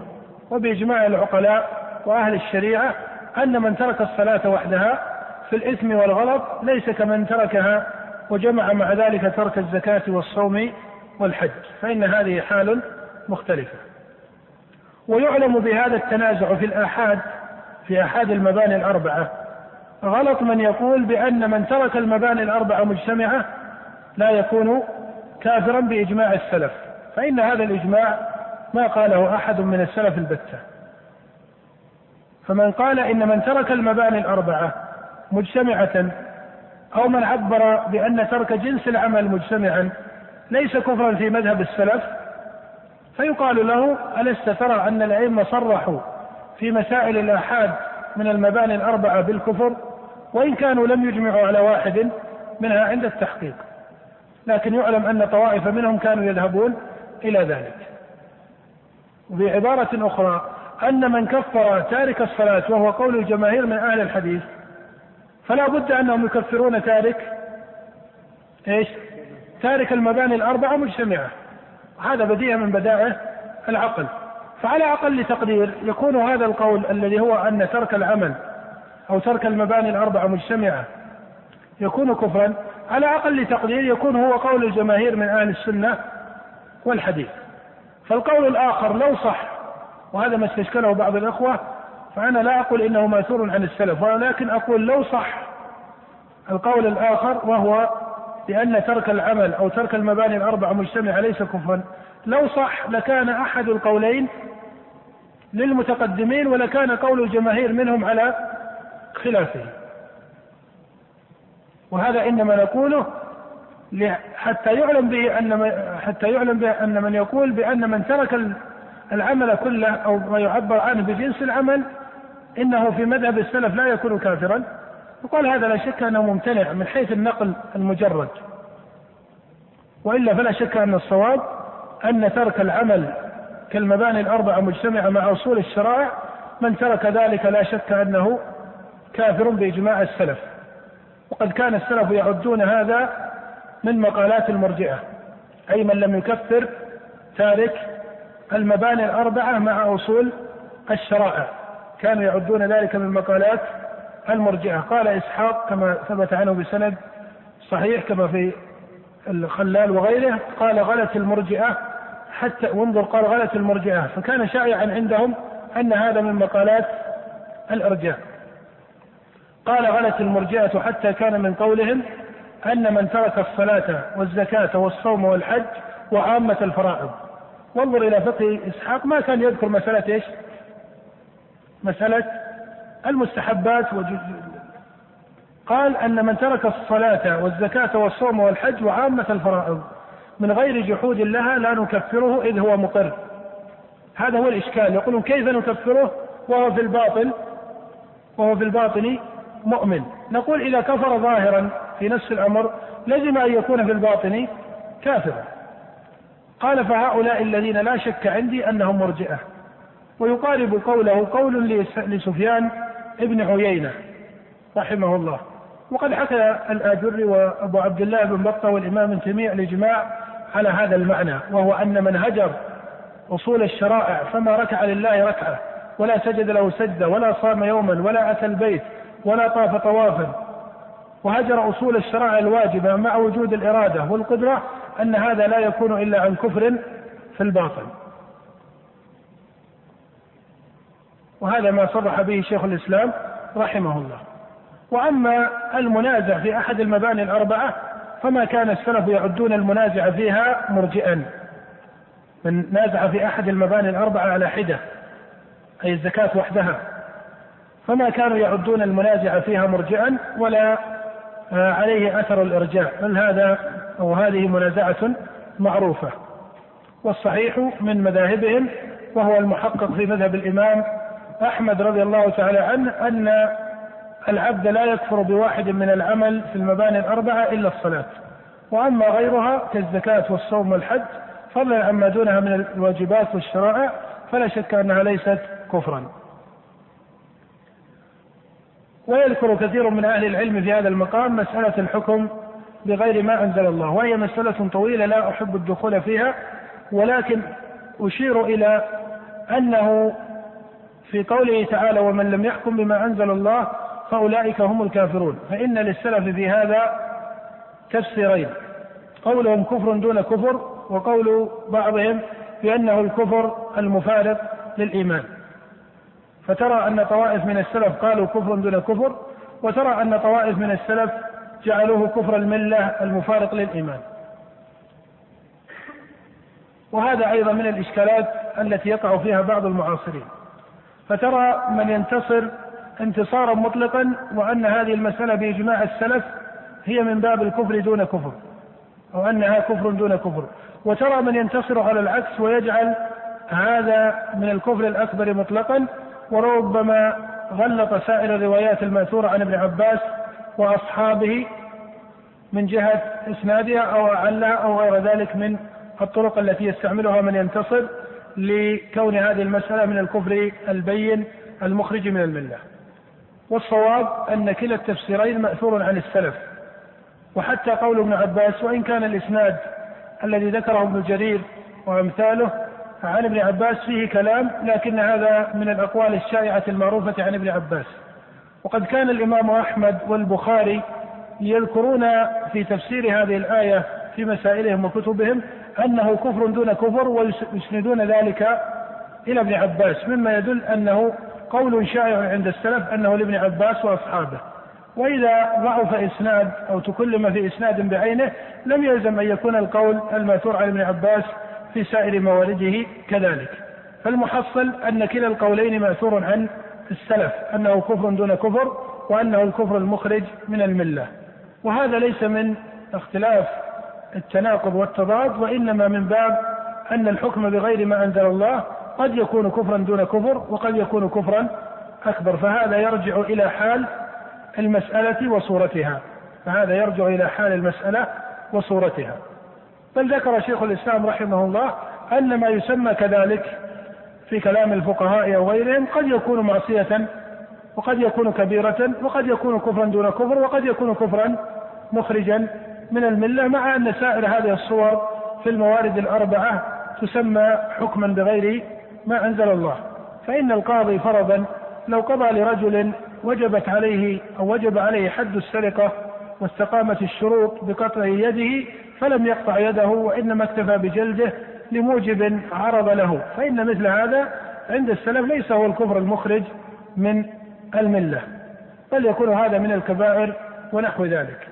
وترى أن بعض الصور قد تكون فوق ذلك فهذه مسألة من الفقه لا يستعجل فيها ولا يخفض فيها ولا يرفع ولا يفتات فيها آه، الناظر المبتدئ من طلبة العلم بحكم قولي فضلا عن حكم فعلي يتقحم به شيئا من الأفعال بناء على قاعدة أو على نظر رآه في كون هذا من الكفر المخرج من الملة فإن الأصل في المسلمين هو الإسلام ومن أظهر الإسلام وأظهر أصول الشرائع كالأذان والإقامة والنسك إلى بيت الله سبحانه وتعالى ونحو ذلك فإن هؤلاء لا يزالون على الإسلام ولا يصح أن يتقحم عليهم بحال إلا إذا تحقق هذا من مقتضيات الشريعة ولوازمها على ما يعلمه من آتاه الله علما وفقها في شرع الله سبحانه وتعالى.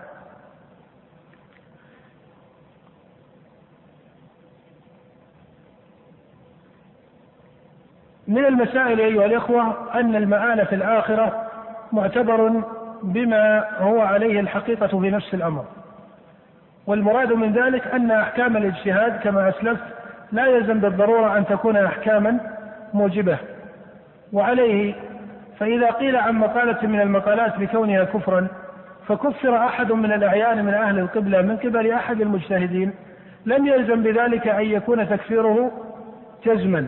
أي أن نجزم بأن هذا العبد يوافي ربه بالكفر بل قد يكون على خلاف ذلك وقد يحكم عليه بعدم الكفر ويكون عند الله كافرا. فهذه مسألة ليس فيها اضطراد أي ليس ثمة تلازم بين الحكم الذي يقوله مجتهد في أحد أعيان المخالفين من أهل البدع. ليس هناك تلازم بين الحكم الذي يقال في الظاهر والحكم الذي يكون في الباطن.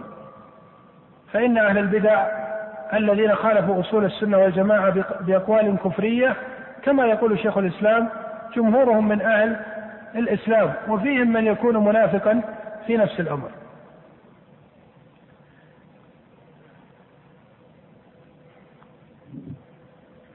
من المسائل أيضا أن من أصول السلف رحمهم الله وهذه مسألة قد يتردد فيها الباب من المتأخرين. ولربما أطلق من أطلق أن هذا من أثر الإرجاء وهو ليس كذلك. باتفاق السلف أن أصل الإيمان في القلب. وهذا يرجع إلى مسألة التلازم بين الظاهر والباطن. وإذا قيل أصل الإيمان في القلب فمعنى هذا أن العمل الظاهر من حيث هو ليس إيمانا. وإن كان إذا فعله العبد مجرد عن التصديق في الباطن قد يحصل به نجاة في مسألة الأحكام الدنيوية ولهذا كان المنافقون يصلون ويظهرون بعض الشرائع فكان هذا موجبا لكف دمائهم أو لحجب دمائهم وأمثال ذلك ولهذا قال شيخ الإسلام وكان المنافقون مع أنهم كفار في الباطن الأصل فيهم تحريم الدماء زمن النبوة وكانوا يتوارثون مع المسلمين إلى غير ذلك من الأحكام. فالأعمال الظاهرة مبنية على الباطن وعليه فيقال إن الإيمان أصله في القلب وهذا صريح في كلام الله وكلام رسوله صلى الله عليه وسلم. ولهذا قال الله تعالى قالت الأعراب آمنا قل لم تؤمنوا ولكن قولوا أسلمنا ولما يدخل الإيمان في قلوبكم. وللسلف في هذا أحد قولين فمنهم من قال إنهم إن قولهم آمنا فقال سبحانه ولكن قولوا أسلمنا أي استسلمنا خوف القتل. وكان البخاري وطائفة يذهبون إلى أن هؤلاء الأعراب من أهل النفاق وأنهم استسلموا خوف القتل فمنع الله سبحانه وتعالى أن يقولوا آمنا وقال قولوا أسلمنا لأن لفظ الإسلام إذا أطلق يدخل فيه حتى المنافق. ولكن الجماهير من السلف يقولون إن هؤلاء الأعراب من أهل الإيمان أي أن معهم أصل الإيمان وأنهم مسلمون ظاهرا وباطنا. وليسوا منافقين. لكن الإيمان لا يضاف إلا لمن استقامت حاله ظاهرا وباطنا على الإطلاق. وعن هذا قال النبي للرجل إنه مسلم ومنع سعدا أن يقول إنه مؤمن مع أن معه أصل الإيمان. وعن هذا التفسير الذي ذكره البخاري رحمه الله قال بعض الشراح كابن حجر وغيره بأن البخاري يذهب إلى أن الإيمان والإسلام سواء وأنه لا فرق بين الإيمان والإسلام وهذه مسألة نزاع آه، بين أهل السنة وجمهور النزاع فيها نزاع لفظي أو من نزاع التنوع.